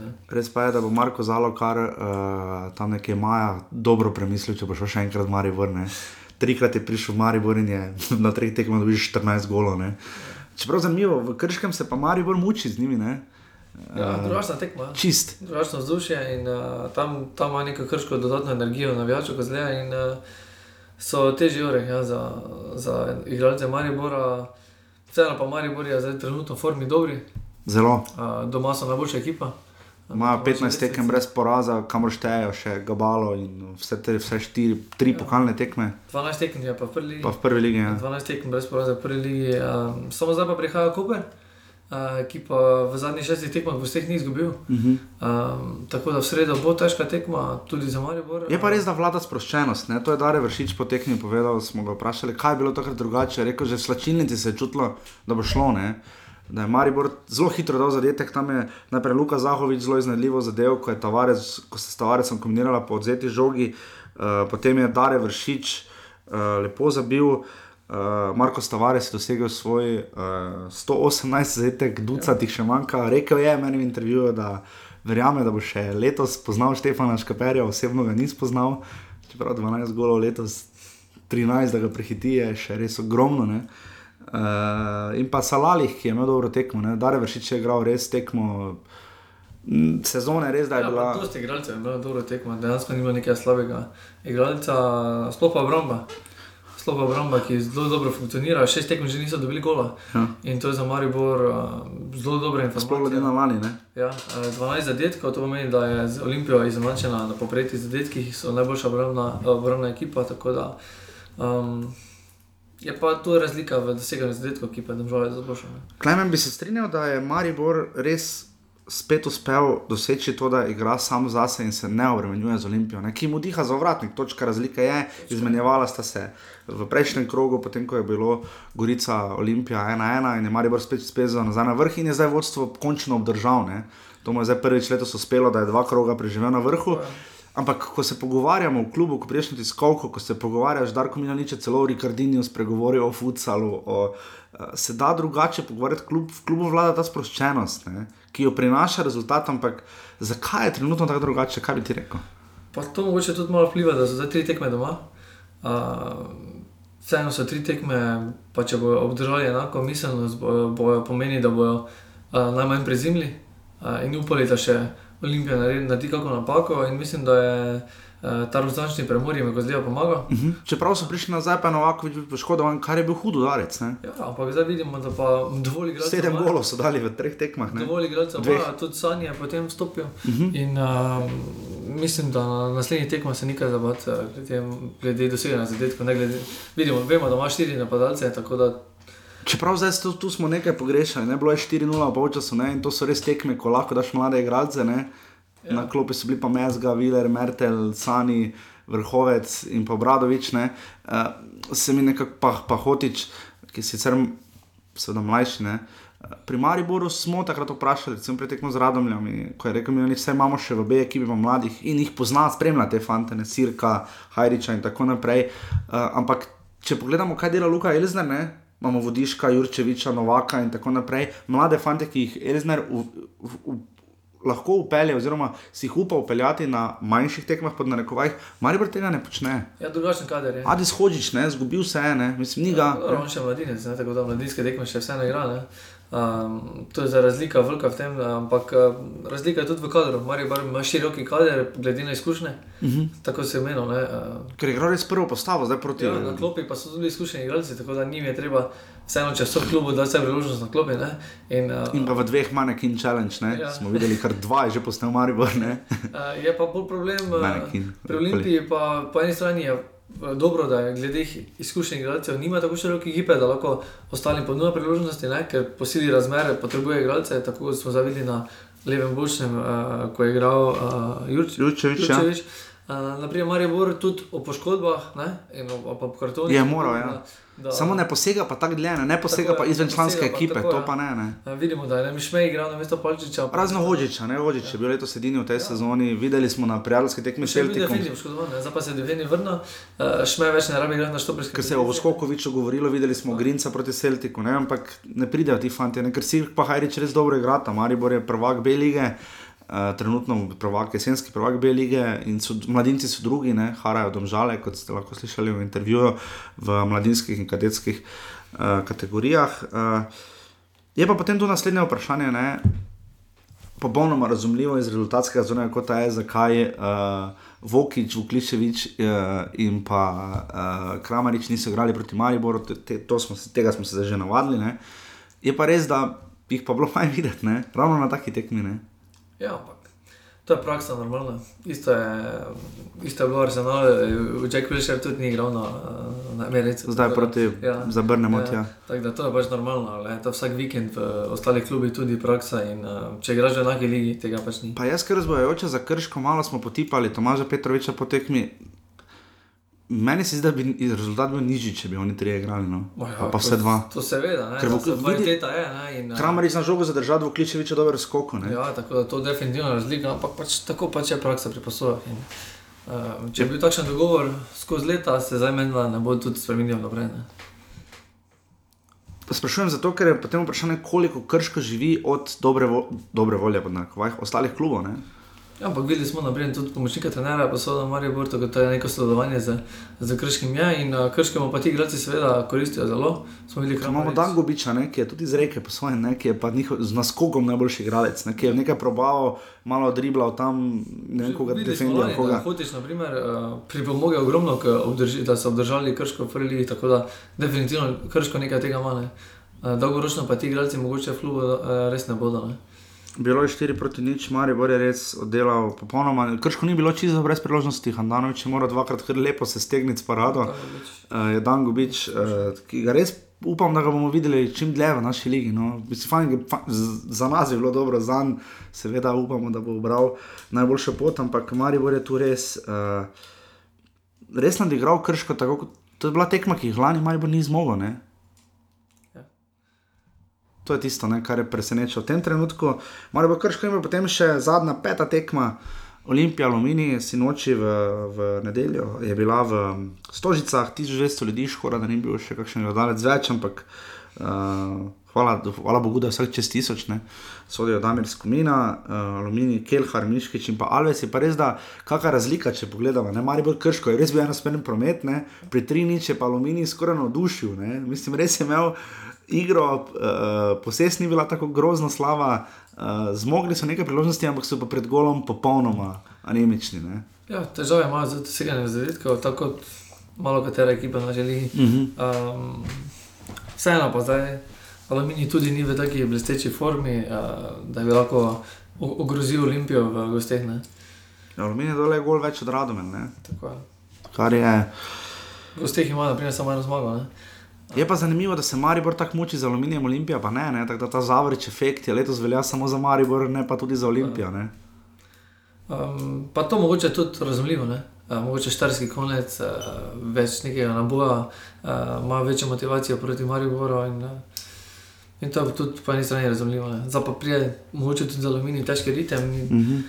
Aluminij ima vseeno za gorice v gosteh uh, in koper. Doma. Uh, Tudi gosti. No, tudi gosti. A, ja, zdaj, ker so v paketu, se tekme. Ja. Tako da imajo dva gostovanja in uh, jim ne bo lahko. No. Um, morda pri Olimpiji. Um, gledali smo tekmo prejšnji vikend, ki je pač nismo delali v Offsetu, uh, jo združujemo z tokratno epizodo. Tistih ena ena v Novi Gorici je res bilo, pa se upravičujem preko Trojancem, ampak bednih. No. Olimpija dala hiter gol. Uh, in je no, skoraj da navdušujoče igrala, videlo se je, da hočejo igrati, potem se pa vstavijo. Ne, ne pozabimo, ko sem se, se pripravljal na intervju z Simonom Rožmanom, Domžale so imele gol razliko 11-9, ko je Luka Elizner odhajal. Uh, ni bilo prvič, da se je Olimpija po 1-0 ustavila, kar se igre tiče. Ne? Zakaj? In tokrat, takrat, tokrat sem pa ni šlo v Kopru, se jim je. Ja. Tokrat sem pa ni. Ne? Ja, tudi v Kopru so, bilo, so bili zelo blizu točke. Uh mhm. -huh. ob, ob uh, zadnjih minutah je rešil kronometer, uh, ki pa ga zdaj ni bilo. In zajca tudi ne? Uh, tudi zajca, ampak vseeno je bil. Aluminij ni bil tako kakovostni, da bi lahko kabel resno grozil, vseeno pa sta na koncu eh, Miški in Alvis, Alvis sta nadgradili nekaj manjko tukaj. Kelhar je res lep gol z glavo, ne pa predložko. Videli smo kar nekaj uh, golo po predložkih, tako konec tedna je pa res, uh, res veliko. Uh, v Domžalah, v Velenju, v Mariboru in v, v Ljubljani, mislim, na vseh štirih tekmah, kjer so goli padli. Um, ampak je, je morda sredina Olimpije vendarle pokazala zdaj, da lahko igra brez krona vetra in zajca. Seveda lahko, da je vprašanje, kako je bila sploh kakovostna tekma, da uh, bolj treba nek tak odgovor počakati na teže tekme. Mhm, videli smo tam res lepo priložnost, tam je Jurčevič driblo, ja. uh, ko je lepo podal Matiču, ja. pa Matič zadev vrati, zdaj za vlad, jaz mislim, najlepša akcija, skoraj da kroga. Um, Alves, nekako smo ga že skoraj da ga pozabimo, zdaj verjetno po prihodu Miškiča, ne? Eh, ker sta tu z Matičem igrala, pa gužo je na sredini pri Olimpiji. No? Ja, glede kadrovanja smo mogoče malo zgrešili, ja? mm -hmm. preveč stoperja. Pa premalo napadalcev, ne v napadu so pa šlohne, čeprav zdaj so se okrepili. Ja, z... ja naprimer, Benko je šel iz igre. Mm -hmm. uh, pa na koncu koncev Alves zabil. Uh -huh. uh, tako da, ne vem, vseeno pa doben klasični napadalec ni zabil. Luka Elizner se je odločil in dal eh, Blessinga, če bojka je leke na bok, ja, oziroma najprej v sredino, potem na bok. Um, in je prispeval eno zelo lepo asistenco, se mi pa zdi, da se je reke zelo izgublja v tej igri Olimpije. No?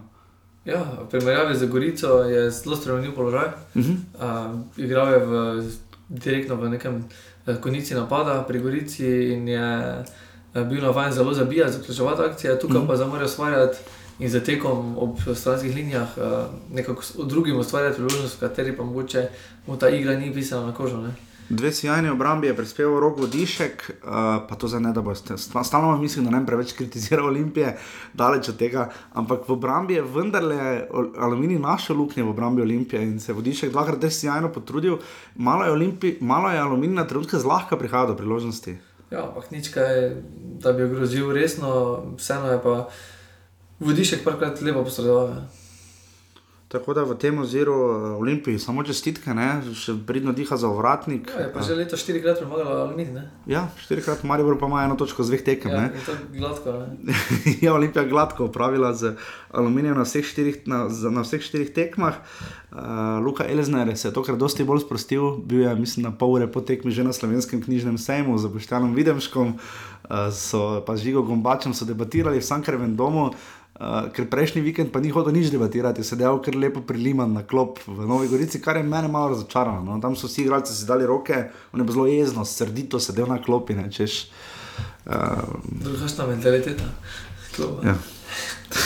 in jakna in poza in še kaj drugega. Ampak vsekakor ne, Luka Elzner uh, si je znova oddahnil. No? On tak, se mi zdi, da ko res pride ena tekma, ki jo pa potem more zmagati, ne? te, te zmaga, ne? te, ko jih res more. Tak, tako domžale, te, ki jih mora zmagati, da ohrani spodnjo nivo, ne, pre, ne, pa, ne uspemo pa prebiti, ne, kot smo videli najbolj evidentno v derbiju. Uh, ki, bo, ki ga, če bo šlo tako naprej, bomo videli, ampak 15. februarja bo ljudski vrt, predvidevam, da razprodan, če bo šlo tako naprej, ko, je, ko se vrne spomladanski del, takoj na vrat na nos za derbijem. Um, to je bilo pet, pet, krogo, pet tekem v 18. krogu, uh, prve lige Telekom Slovenije, ti zadovoljen? Zelo. Kvaliteta pada, misliš? Kaj bi rekel? Mogoče za konec res je, da so nekateri klubi že komaj čakali, da je konec, tudi kondicijsko, mentalno. Vseeno pa derbi za prvaka se nadaljuje, ena točka je, tako da vseeno zanimivo je. No. In pa vidno je, ne, da glede na to zelo. Um, Zelo se nekaj pozna, Marijo in Olimpija in Žale so še vsi trije po vrhu polfinalisti pokala, plus krka. Um, kaj bi ti to komentiral? Ne? Tak, spet bo očitno vprašanje za četrto mesto, kaj bo z njim. Ne? Ja, pa hvala Bogu, da se še za nekaj ostalih klubov borijo. Ne? Ja, dobro, se borili se bodo zelo krepko za deveto mesto, misliš, da bo borba? Lahko pa da bo krka zmagal, pa kaj ne. ja. Lej, žoga okrogla, nikoli ne veš. Um, tako da to je to, kar se tiče prve lige Telekom Slovenije, lesica pravi sledeče, Marijo ima 40 točk. Uh, kdo je rekel, da nisem bral zelo dober intervju, da bo letos pa potrebnih, uh, mislim, Elizner to rekel. Rekel, ja, mislim, na večeru Marko Kovačič je povedal, da bo letos potrebnih precej več kot 75 točk za naslov. Uh, tako zdaj kaže, um, bomo videli. Uh, v večeru mimo reda je bil zanimiv intervju tudi z Lukom Zahovičem, uh, ki je rekel, da mu kapha nekaj da za vsako podajo ali nekaj takega. Ali, ne, Luka Zahovič da nekaj marvano kaphi, ko mu poda za gol. Karkoli že to je. Um, tako da uh, smo dosti intervjujev brali v minulih dneh, uh, kar se tiče prve lige, jaz upam, da bomo čim več imeli v bodoče tudi v Ovsedu, vedno sprejemamo predloge. Marijo ima torej 40 točk, Olimpijah ima 39. Domžale 35, potem pa ta prelom, ne, verjetno, ki se je tako mimo grede zgodil, ne, tak, ker se je prej zdelo še, aha, le za tretje mesto bo borba, zdaj pa za tekmom domžalo cele. Pa, pa zanimivo, da ni edini, nismo edina liga, kjer se je to zgodilo. Ne. Uh, recimo na Hrvaškem je Dinamo premagal Osijek, reka Matjaža Heka še vedno vodi. Zgodilo se je to v Angliji, zdaj je precejšnji razkorak, ko se tekme tudi v Italiji, se to dogaja. Skratka, cel je potem četrto s 26 točkami, Rudar, Rudar Gorica in Koper jih imajo 23, uh, Krško 19, Aluminij 15, Radom lepo ostajajo pri petih točkah. Kaj bomo naredili, ko bo Radom je prvi zmagal? Nagamo, vodla. Ampak oni so imeli pred začetkom sezone kaj, eksotično plesalko, so imeli, mislim, da na team buildingu. Mislim, da ja, ja, to je. Ne, ker se niti gleda. Esen portal Peter Dominko. Evo, branding, ne? product placement. Ja, mislim, da ne sem portal, ko sem blazno iskal podatke, ker jih ni bilo dosti informacij. Um, pa, pa daleč od tega, SM portal. Ja, SM portal, absolutno, uh, vsaka čast, res pridno delajo, zelo veliko beremo in nam zelo pomagajo pri tem, da vam posredujemo najbolj um, pregledne informacije in pregledne interpretacije o slovenskem nogometu. Um, v drugi ligi, da ne pozabimo, uh, tam je zdaj res čudna situacija v drugi ligi, ker je vsak klub ima določeno število tekem. Tri glavove, recimo, jih ima 14, ki vodi z 37 točkami, Zaver, če seveda uh, gladko zadnji, ker je že izpadel, tako da je kar pestro v drugi ligi. Bomo pa probali uh, v naslednjem ali pa potem v Osedu, v 66 ali 67 Osedu, so nam že ponujali intervju z trenerjem Triglava, tako da upamo, da bomo žigi Ikiču uspeli se zmeniti z njimi in malo pogledali še v drugo ligo. Um, Tako da to je to, kar se tiče slovenskega uh, nogometa, tega vse ta velikega, kot mu rečemo.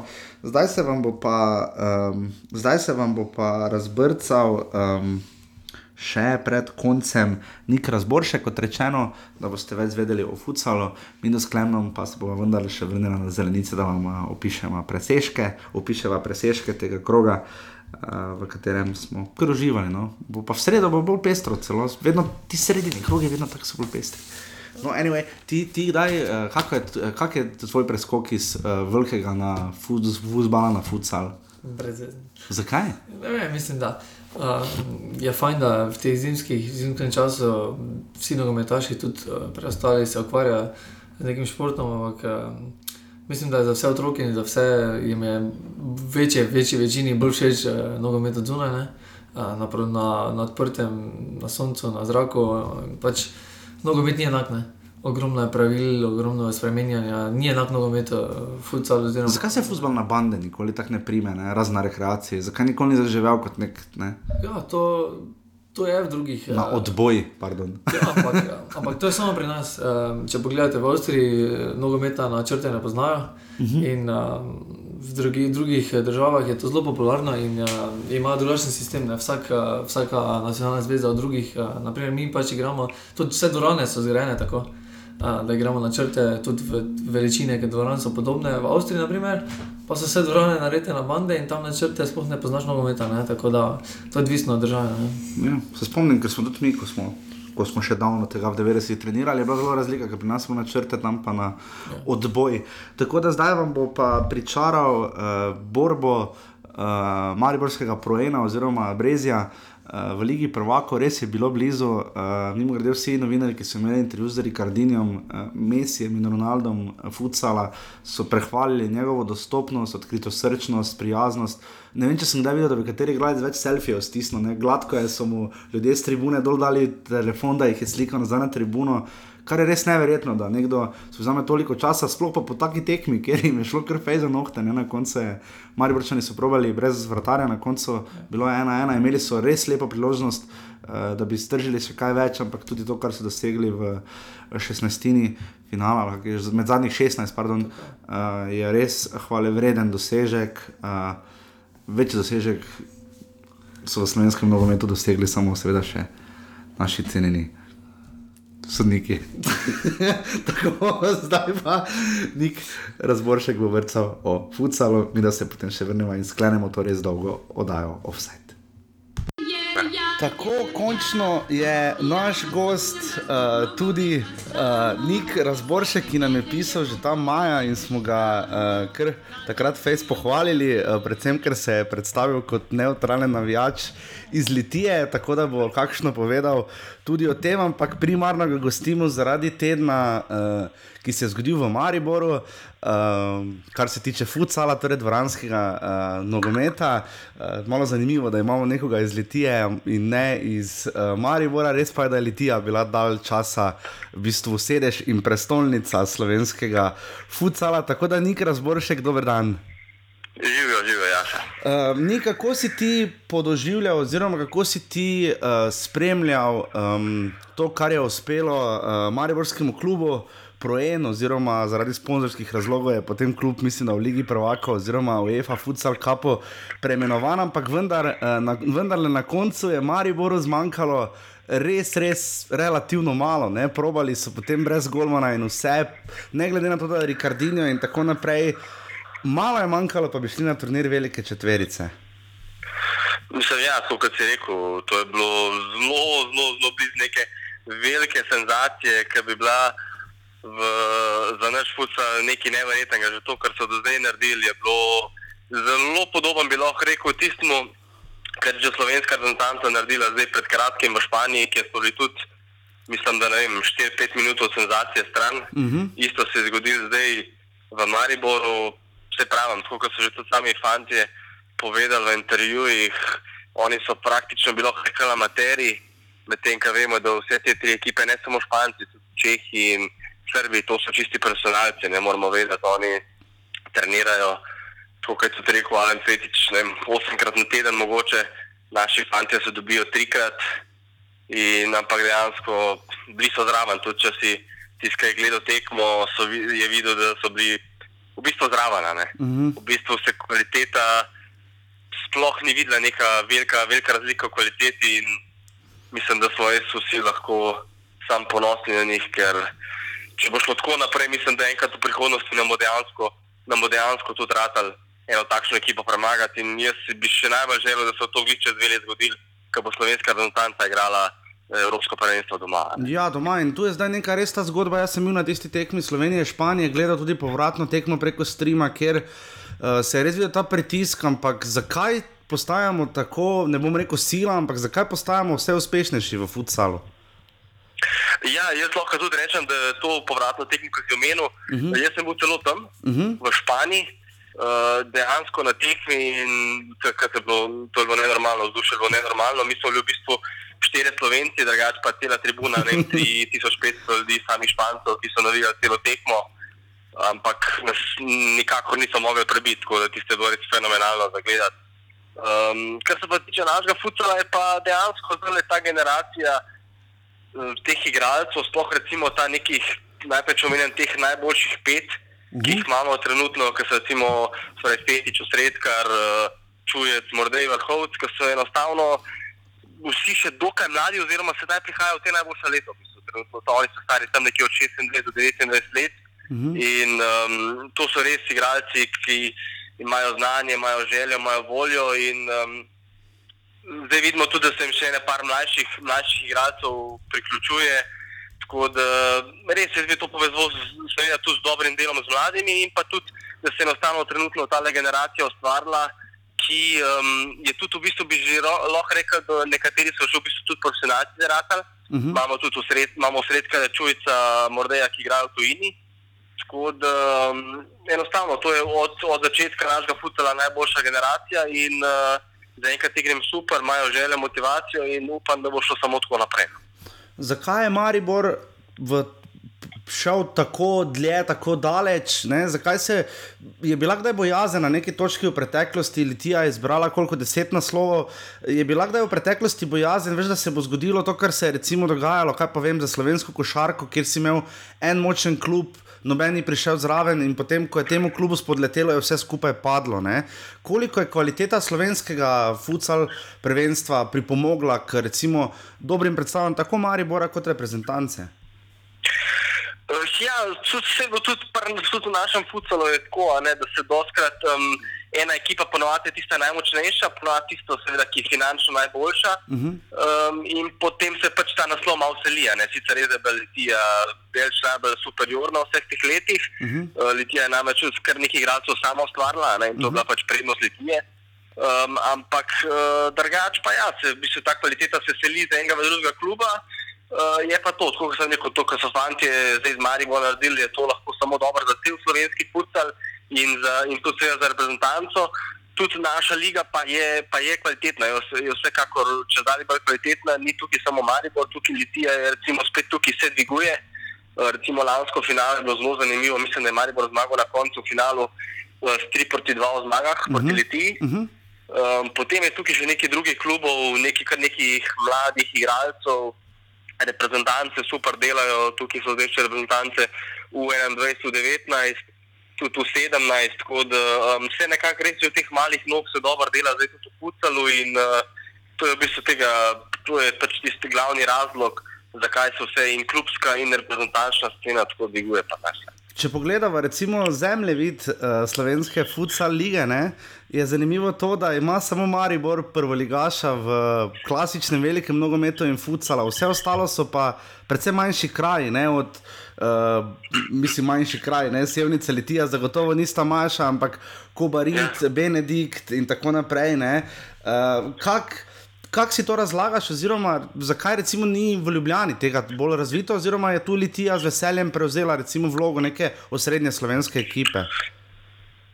Ja, nekako res v teh večjih mestih um, prevladuje očitno veliki futbol in dejansko so se te. Um, so se, se pa futbol razvil v teh manjših krajih, recimo, predvsem to, kar si rekel, recimo na zahodu imamo mi tam Oplast, Kobarit, uh -huh. uh, Punta, Tolmin, to so neki, to so neki tradicionalni klubi, to so tudi eni izmed boljših klubov uh -huh. v slovenski, v slovenski futbol zgodovini.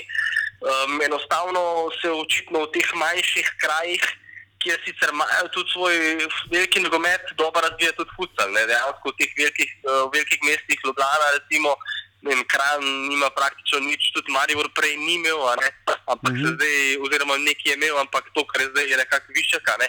mariborskega futsala, tako da Litiji pa lahko rečem, da malo bolj poznam, pa je dejansko, da je um, futsal že od, že od začetka res šport, ki je v bistvu bolj popularen kot veliki nogomet, bi lahko rekel v Litiji. a ne. Tako da je neka tradicija, zgodovina in to se v bistvu zdaj samo še nadaljuje. ne. Jaz pa upam pa seveda tudi, da bo tako, kot je tudi Fetič rekel v intervjuju, da bo tudi neka Ljubljana, recimo kot tako veliko mesto bi mogla zagrabati, mislim, da to malo bolj resno in verjamem, da bo v prihodnosti tudi, tudi v Ljubljani en tak resen futsal klub nastal. ne. Ker kaj zdaj kaže, glede organizacije pr- prvenstva pri nas leta kaj 2018, ne? kaj kaže, uh, kaj, kje bodo tekme? Ne? Uh, Kot jaz vem, je to dogovorjeno, da bo to v Stožicah. Mhm.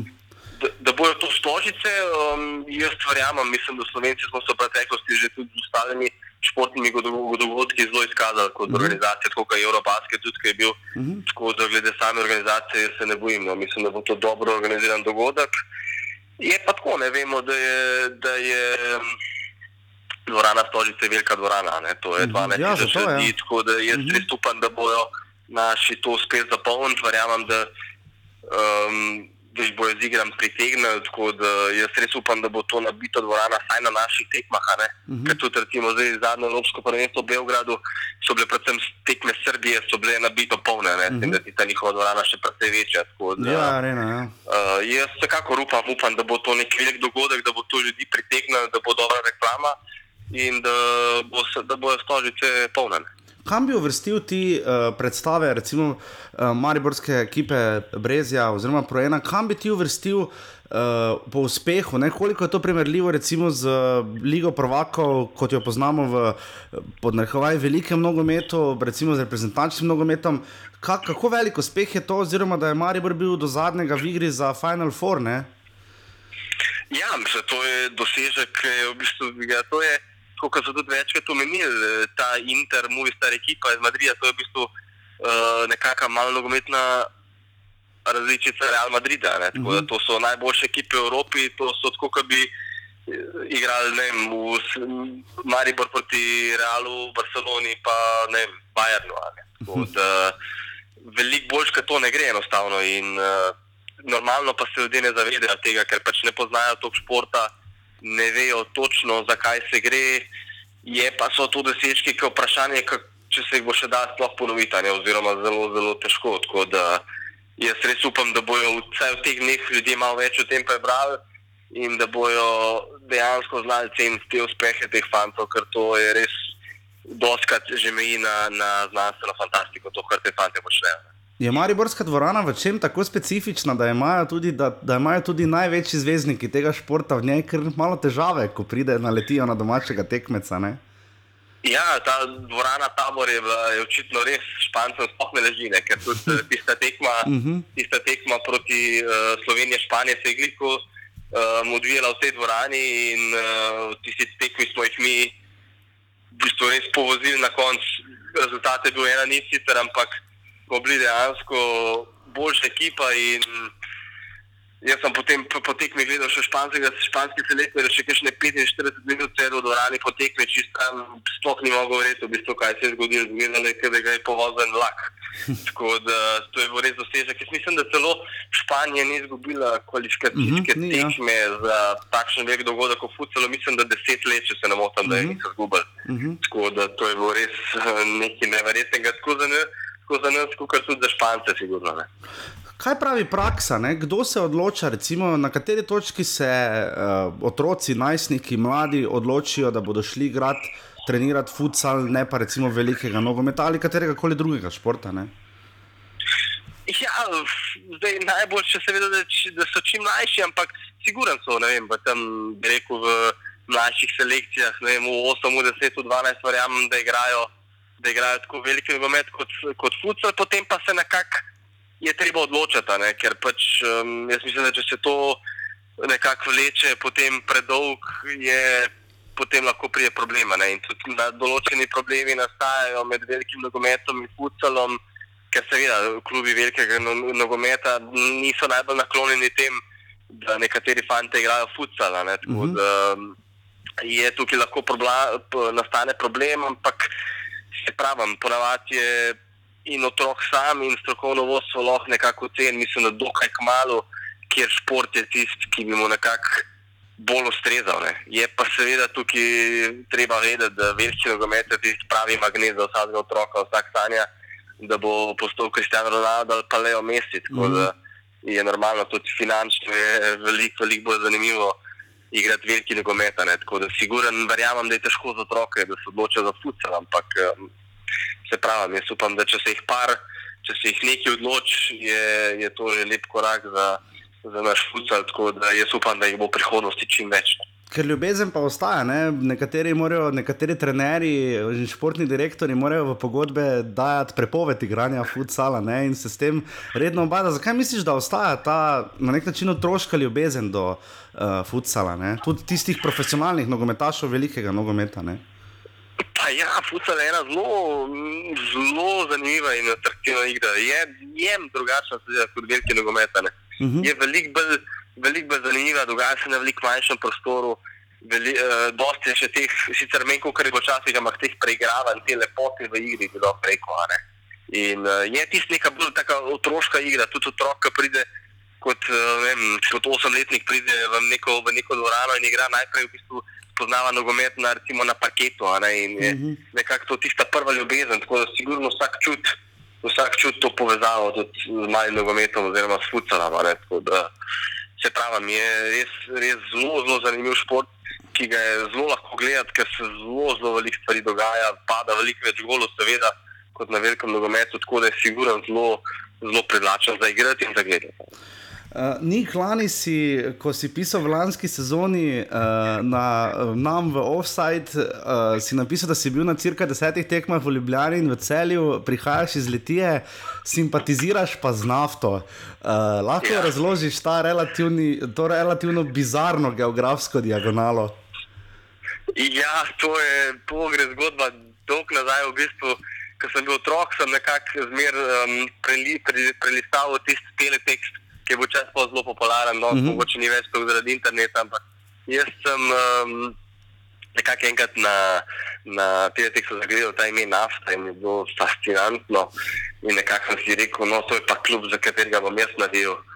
In tako se je nekako ta ljubezen začela. No. Moram pa reči, da še kar nisem bil na njihovi tekmi, no, ker se zelo učitam v bistvu v teh letih. Uh -huh. Tako Da, ampak se vemo, Lenda je kar del čuditi. Uh, je pa vsekakor, vsekakor želja, da si v kratkem ogledam eno tekmo. Sploh pa zdaj, ko vidim, da se nafta spet dviguje, nekako so se spet stvari postavile. Mislim, da v, v red vidimo, da so, da so vodilni zdaj v tretji ligi in res upam, da se že naslednjo sezono vrnejo v drugo ligo, ker to bi bilo, mislim, da res um, za slovenski nogomet tudi zelo pomembno, ker vemo, da nafta je en iz, en izmed velikanov, sploh eh, velikanov slovenskega nogometa, sploh pa v tistem prostoru. a ne. Tako da Jaz res upam, da se jim uspe vrstiti nazaj. Ja, najstarejši klub, pa tudi Gorgone in tako naprej. Tako, tako, tako. tako. Hodil si v Ljubljano in v celje na tekme, neposredno te ne zadeva, oziroma uh, ne poskočiš, uh, ne zaigrajo ti živci, ne znoriš med tekmo Maribora in Olimpije. Uh, Kako je spremljati neutralno slovensko državno prvenstvo? Nekak sam razmišljam, seveda je težko, ne, če prihajaš iz enega od teh dveh krajev, ampak vem, jaz bi potem verjetno navijal, zakaj pa vem, domžale, ne, če bi že hotel ohraniti to neutralnost. Ne. Ja, pa se, če, sploh če trenutno, če gledamo situacijo, mm -hmm. se mi je zelo, zelo simpatična ekipa. Sploh kot od prihoda Rožmana si začel igrati nek zelo atraktiven nogomet um, z veliko goli, tako da so mi trenutno v prvi ligi sigurno daleč najbolj simpatična ekipa države. In sem tudi pred kratkim bil na njihovi tekmi in je res jih užite gledati, kako fanti igrajo trenutno in upam, da bo s tem samo samo nadaljevala. Tako da, je pa tudi, se pravi, v ko pa gledam večji del Olimpije, malo bolje pa je, nekako nimam tistega pritiska, nekega navijaštva, v bistvu mi dokaj vse kdo zmaga, tako da se lahko nekako bolj posvetim mogoče nogometu in ne gledam tega, tega derbija, to, ki iz neke navijaške prizme, vam ne bi rekel. Kakšna pa je v živo izkušnja, uh, če primerjaš recimo obisk Stožic ali pa Arene Petrol? Ja, bi rekel, dobro, siguren je, v Stožice so neko, bi rekel, se pravi, največji slovenski stadion, tako da je sigurno um, zmer lušten prideti pogledati v, stolici, ampak kar se pa tiče same atmosfere, pa v bistvu dokaj podoben, bi lahko rekel. No? Uh -huh. Ni to še, pač seveda, odstopa Olimpija, seveda samo po Green Dragonsih, normalno Green Dragons so super navijači in je zmeraj ustvarjajo to pravo atmosfero, tako da jih je res lepo pogledati, kaj navijajo. Ampak če pa gledamo vse ostale ljudi, nekako je pa dosti podobno. Ne? Tudi v celju je predvsej mr mrtvo vse skupaj, tudi zdaj že nekaj zajeta nimajo nobene niti navijaške skupine, ljudje niso ne vem kako navdušeni nad, nad uh, samimi njihovimi igrami in tudi obisk ni neki preveč velik, da bi rekel, ne, tako da je glede tega dosti podobno v bistvu. No. Tako da jaz upam, da se in v Ljubljani in v, v celju, da se bodo ljudje vrnili na tribune in verjamem, da je tukaj še kar velik potencial, ker to sta le Ljubljana največje slovensko mesto, celje tudi, mm -hmm. mislim, da tretje, tako da mm -hmm. mislim, da bi lahko tukaj veliko več ljudi še videli na tribunah. Nik in še najtežje vprašanje za tebe, uh, te dni smo gledali oziroma še spremljamo. Uh, Davis Cup v Zagrebu, ne, to veliko euforijo, dvoboj, to veliko navijanje v Zagrebu, ogromno Argentincev je prišlo uh, spodbujati uh, svojo reprezentanco. Uh, ni skrivnost, da veliko nogometašev rado igra tenis. Uh, ja. Kako si ti razlagaš to povezavo slovenskega nogometa in tenisa, oziroma glede na to, da se radi zgledujemo tudi po južnih sosedih, uh, misliš, da bomo kdaj mi počasi šli vendarle tudi v tenisu v to smer? Ja, to si mi sigurno vsi želeli. Je pa, je pa tenis zelo en tak specifičen šport, zelo uh mhm. -huh. težek, individualen. Um, konkurenca je neverjetno široka, tako da vsekakor si pa želimo. No, to, kar recimo Hrvati trenutno počnejo v njihovem tenisu, je res nekaj neverjetnega. Imajo, imajo generacije in generacije že dobrih igralcev. Vsekakor upamo, upamo, da bo pri nas kaj podobnega se zgodilo, ampak enkrat smo še kar, še kar oddaljeni od tega. Ampak vsekakor imamo pa en zelo lep, lep primer, zelo blizu nas da se to da, tako kot na Hrvaškem, tudi seveda v Srbiji, ali že Žokovičem. Tako da jaz, jaz res upam, da, da bomo nekoč se vsaj nekako približali njihovim uspehom. Ne. Pa se nam lahko zgodi, Džokovič, glede na to, da se nam je zgodil, ne vem, Jan Oblak, pa Kevin Campbell in tako naprej. Ne? Pa jaz sem, jaz sem pripričan, da, da, da se da. Ne. To je pač um, seveda potreben nek izjemen projekt, individualen, ki zahteva zelo veliko stvari, se pa da, sigurno se da. Jaz mislim, da tudi v Sloveniji je dosti dost talentov, tako da s pravim delom, s pravo voljo, motivacijo. Se sigurno da prideti tja. Jaz sem, jaz sem optimističen, da, da, bomo tudi, da bomo tudi v Sloveniji enkrat imeli enega Djokoviča. Recimo. In še to za konec, z mojo kauč selektorsko trditvijo bi se strinjal, da si v bistvu vsak nogometaš, mogoče prikrito želi biti soler in tenisač, vsak tenisač pa si želi biti futbaler. Ja, sigurno, mislim, sigurno. Recimo, jaz lahko iz teniškega stališča povem, da recimo, mi smo individualni športniki in sigurno pogrešamo neko to timsko vzdušje, bi rekel. Uh mhm. -huh je nam recimo tiste redke trenutke, ki imamo, da igramo za reprezentanco, kjer nas je več skupaj, je zmer zelo, zelo fino in fajn, ker vzpostavljamo to, to timsko neko vzdušje. Um, Verjamem pa, da je za nogometaše tudi isto. Tam oni so pa nekako skozi ekipi in se vedno tudi daj zaželijo malo sami biti oziroma malo zasolirati in biti samo sami od sebe odvisni. Tako, to je v bistvu isto, kot si mi želimo, da bi nas pa mogoče kdaj iskal še iz ekipe rešil ker načeloma tega, te možnosti nimamo, ker smo med sami. Tako da, siguren, siguren si vsak želi njih tistega, kar nima. Mm. In če smo že pri tem, še post-scriptum vprašanje, uh, bi raje videl, da bi pri penalih bila tišina ali, ali da bi se pri servisu tako drli, kot se derajo pri penalih? Je, je v bistvu mene osebno ne moti med samo igro tenisa, nek hrupno. Jaz mislim, mm. da so mhm. te igralci na, na najvišjem nivoju zelo razvajeni. No. -huh. Mhm. Zato, ker konec koncev tudi na treningih nikoli nimamo popolne tišine. Tako da jaz mislim, da bi se um, lahko tudi ti top igralci malo zamislili, da jih vsaka stvar moti. Uh, mislim prepričan, da so bili stari 15, 16, 17 let, da so igrali mladinske turnirje, da jih je kar velik tam okoli, ne vem, barantal in vreščal, pa jih to ni motil. Tako da jaz mislim, da je to vse stvar razvade, no, ko enkrat prideš na tak nivo, um, se razvadeš in um, potem ti gre to težko z glave. No. To bi jaz to rekel. Nik, najlepša hvala, da si bil gost offside, upam in uh, pričakujem, da z veseljem še kdaj. Uh, Seveda, z lahkoto. Slejko prej. Tako da veliko uspehov v bodoče, tako da hvala, da si se javil in upam, da si uh, navdahnil še marsiko, marsikaterega drugega poslušalca, da bo na podobno pronicljiv način delil uh, svoje izkušnje, mnenje in nazore o slovenskem futbalu in tenisu. Ne? Ja, ja, še tudi jaz isto upam, hvala za povabilo, da so se končno uskladila in z veseljem še kdaj. Ok, hvala, nik lepo zdrav. Hvala. Čau, čau, adijo.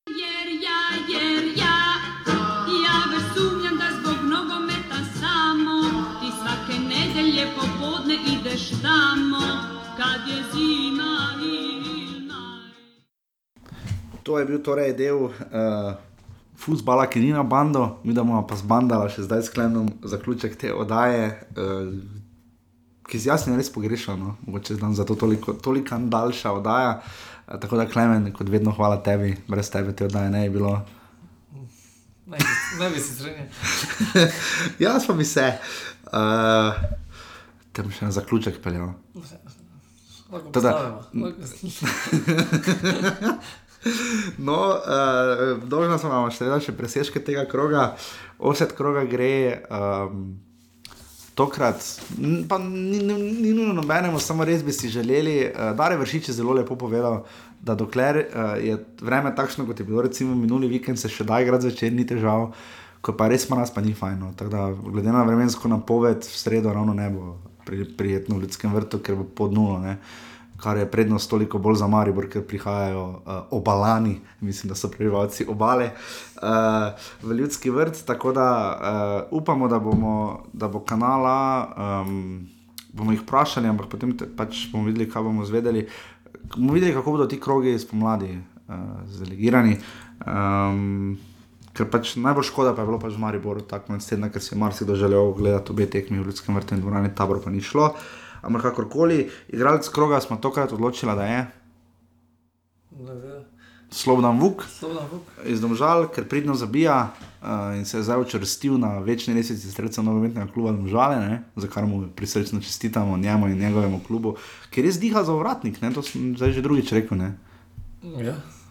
Moja napoved, namreč je moja drzna napoved. Je, by the way, jaz sem, se spomniš, ko smo delali napoved, jaz sem zadev Gorico, Gorico Olimpija, sem rekel, da bo Olimpija spodrsnila. ja, ampak zdaj domžale.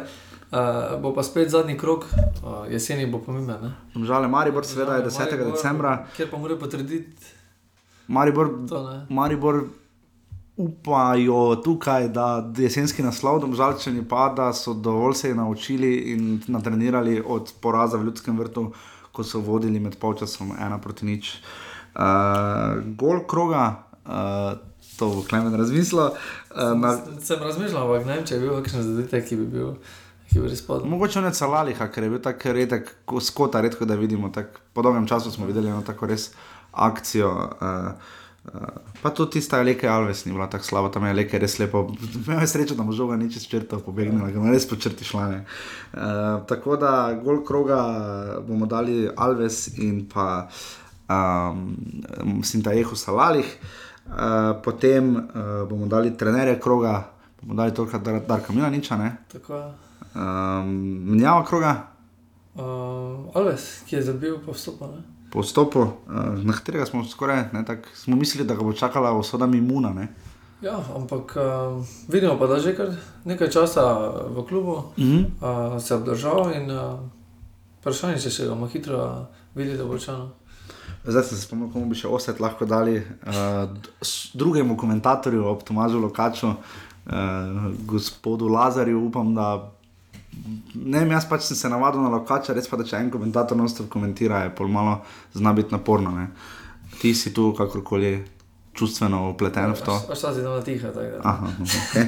uh, uh, kaj še imamo navijači kroga, Terror Boys, seveda, jih bomo pohvalili, da so šli v takšnem številu v uh, Koper. Uh, so kaj pozabila? Mislim, da ne. Mislim, da ne.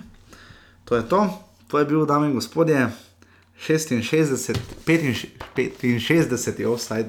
Naslednji bo na vrsti v ponedeljek, čeprav sta dva kroga, tako da bo vas klenom spet nekoliko daljša. Predvidevam, razmišljala bo v avgustih, klemen je seveda že pospravil, ker, ker, ker ve, kaj sledi. Uh, sledi še, seveda, zahvala vsem vam, ki nas pridno poslušate, delite, uh, dajete predloge, pripombe, ideje in tako naprej. Bomo res veseli za kajega gosta, tudi če bo kakšen klub nam pisal ali karkoli. Najbolj veseli bomo pa seveda ne samo spodbuditi, ampak tudi vaše podpore na urbani.si pošiljnica offside. Zdaj pa to je to. Enkrat sem zračunal, koliko minut smo mi dva prebila skupaj. Kako bi se začel? Vse šte, ja, mislim, vsaj on the record. Aha, Okay. Uh, to se da hitro zračunati, to nam bo statistika vse povedala. Um, tako da to je to. Uh, hvala vsem vam poslušalcem, hvala Simonu Rožmanu uh, in nogometnemu klubu Domžale, hvala Niku Razboršku, hvala vsem tistim, ki nam pomagate, da ustvarjamo to oddajo še naprej. Uh, Jaša ima sicer novi podcast, tudi če vas bo za vse tiste, ki vas zanima, Maribor malo drugače, eh, lahko poslušate Iber Einfach auf Bix. Uh, pogovore, kako gre Maribor gor, zato je naslov podcasta Maribor, lahko še to pogledate. Sicer pa nič, klemen ima prekrižene roke, čas je, dame in gospodje, danes je ta dan, napočil je trenutek, uh, napočil je veliki trenutek, zdaj bomo čakali dlje, kot čakajo v Sloveniji, ima talent, uh, da, povedo, da povedo, kdo je zmagal. Tako da, če se znajdete v offsajdu, če, če se znajdete v offsajdu, ja, seveda, jaz bom vedel, kaj. Če se znajdete v offsajdu, lahko samo v naši oddaji izveste, da na lesici offsajda vodijo Tom Žale z 48 offsajdi, kar je pri delu Simona Rožmana.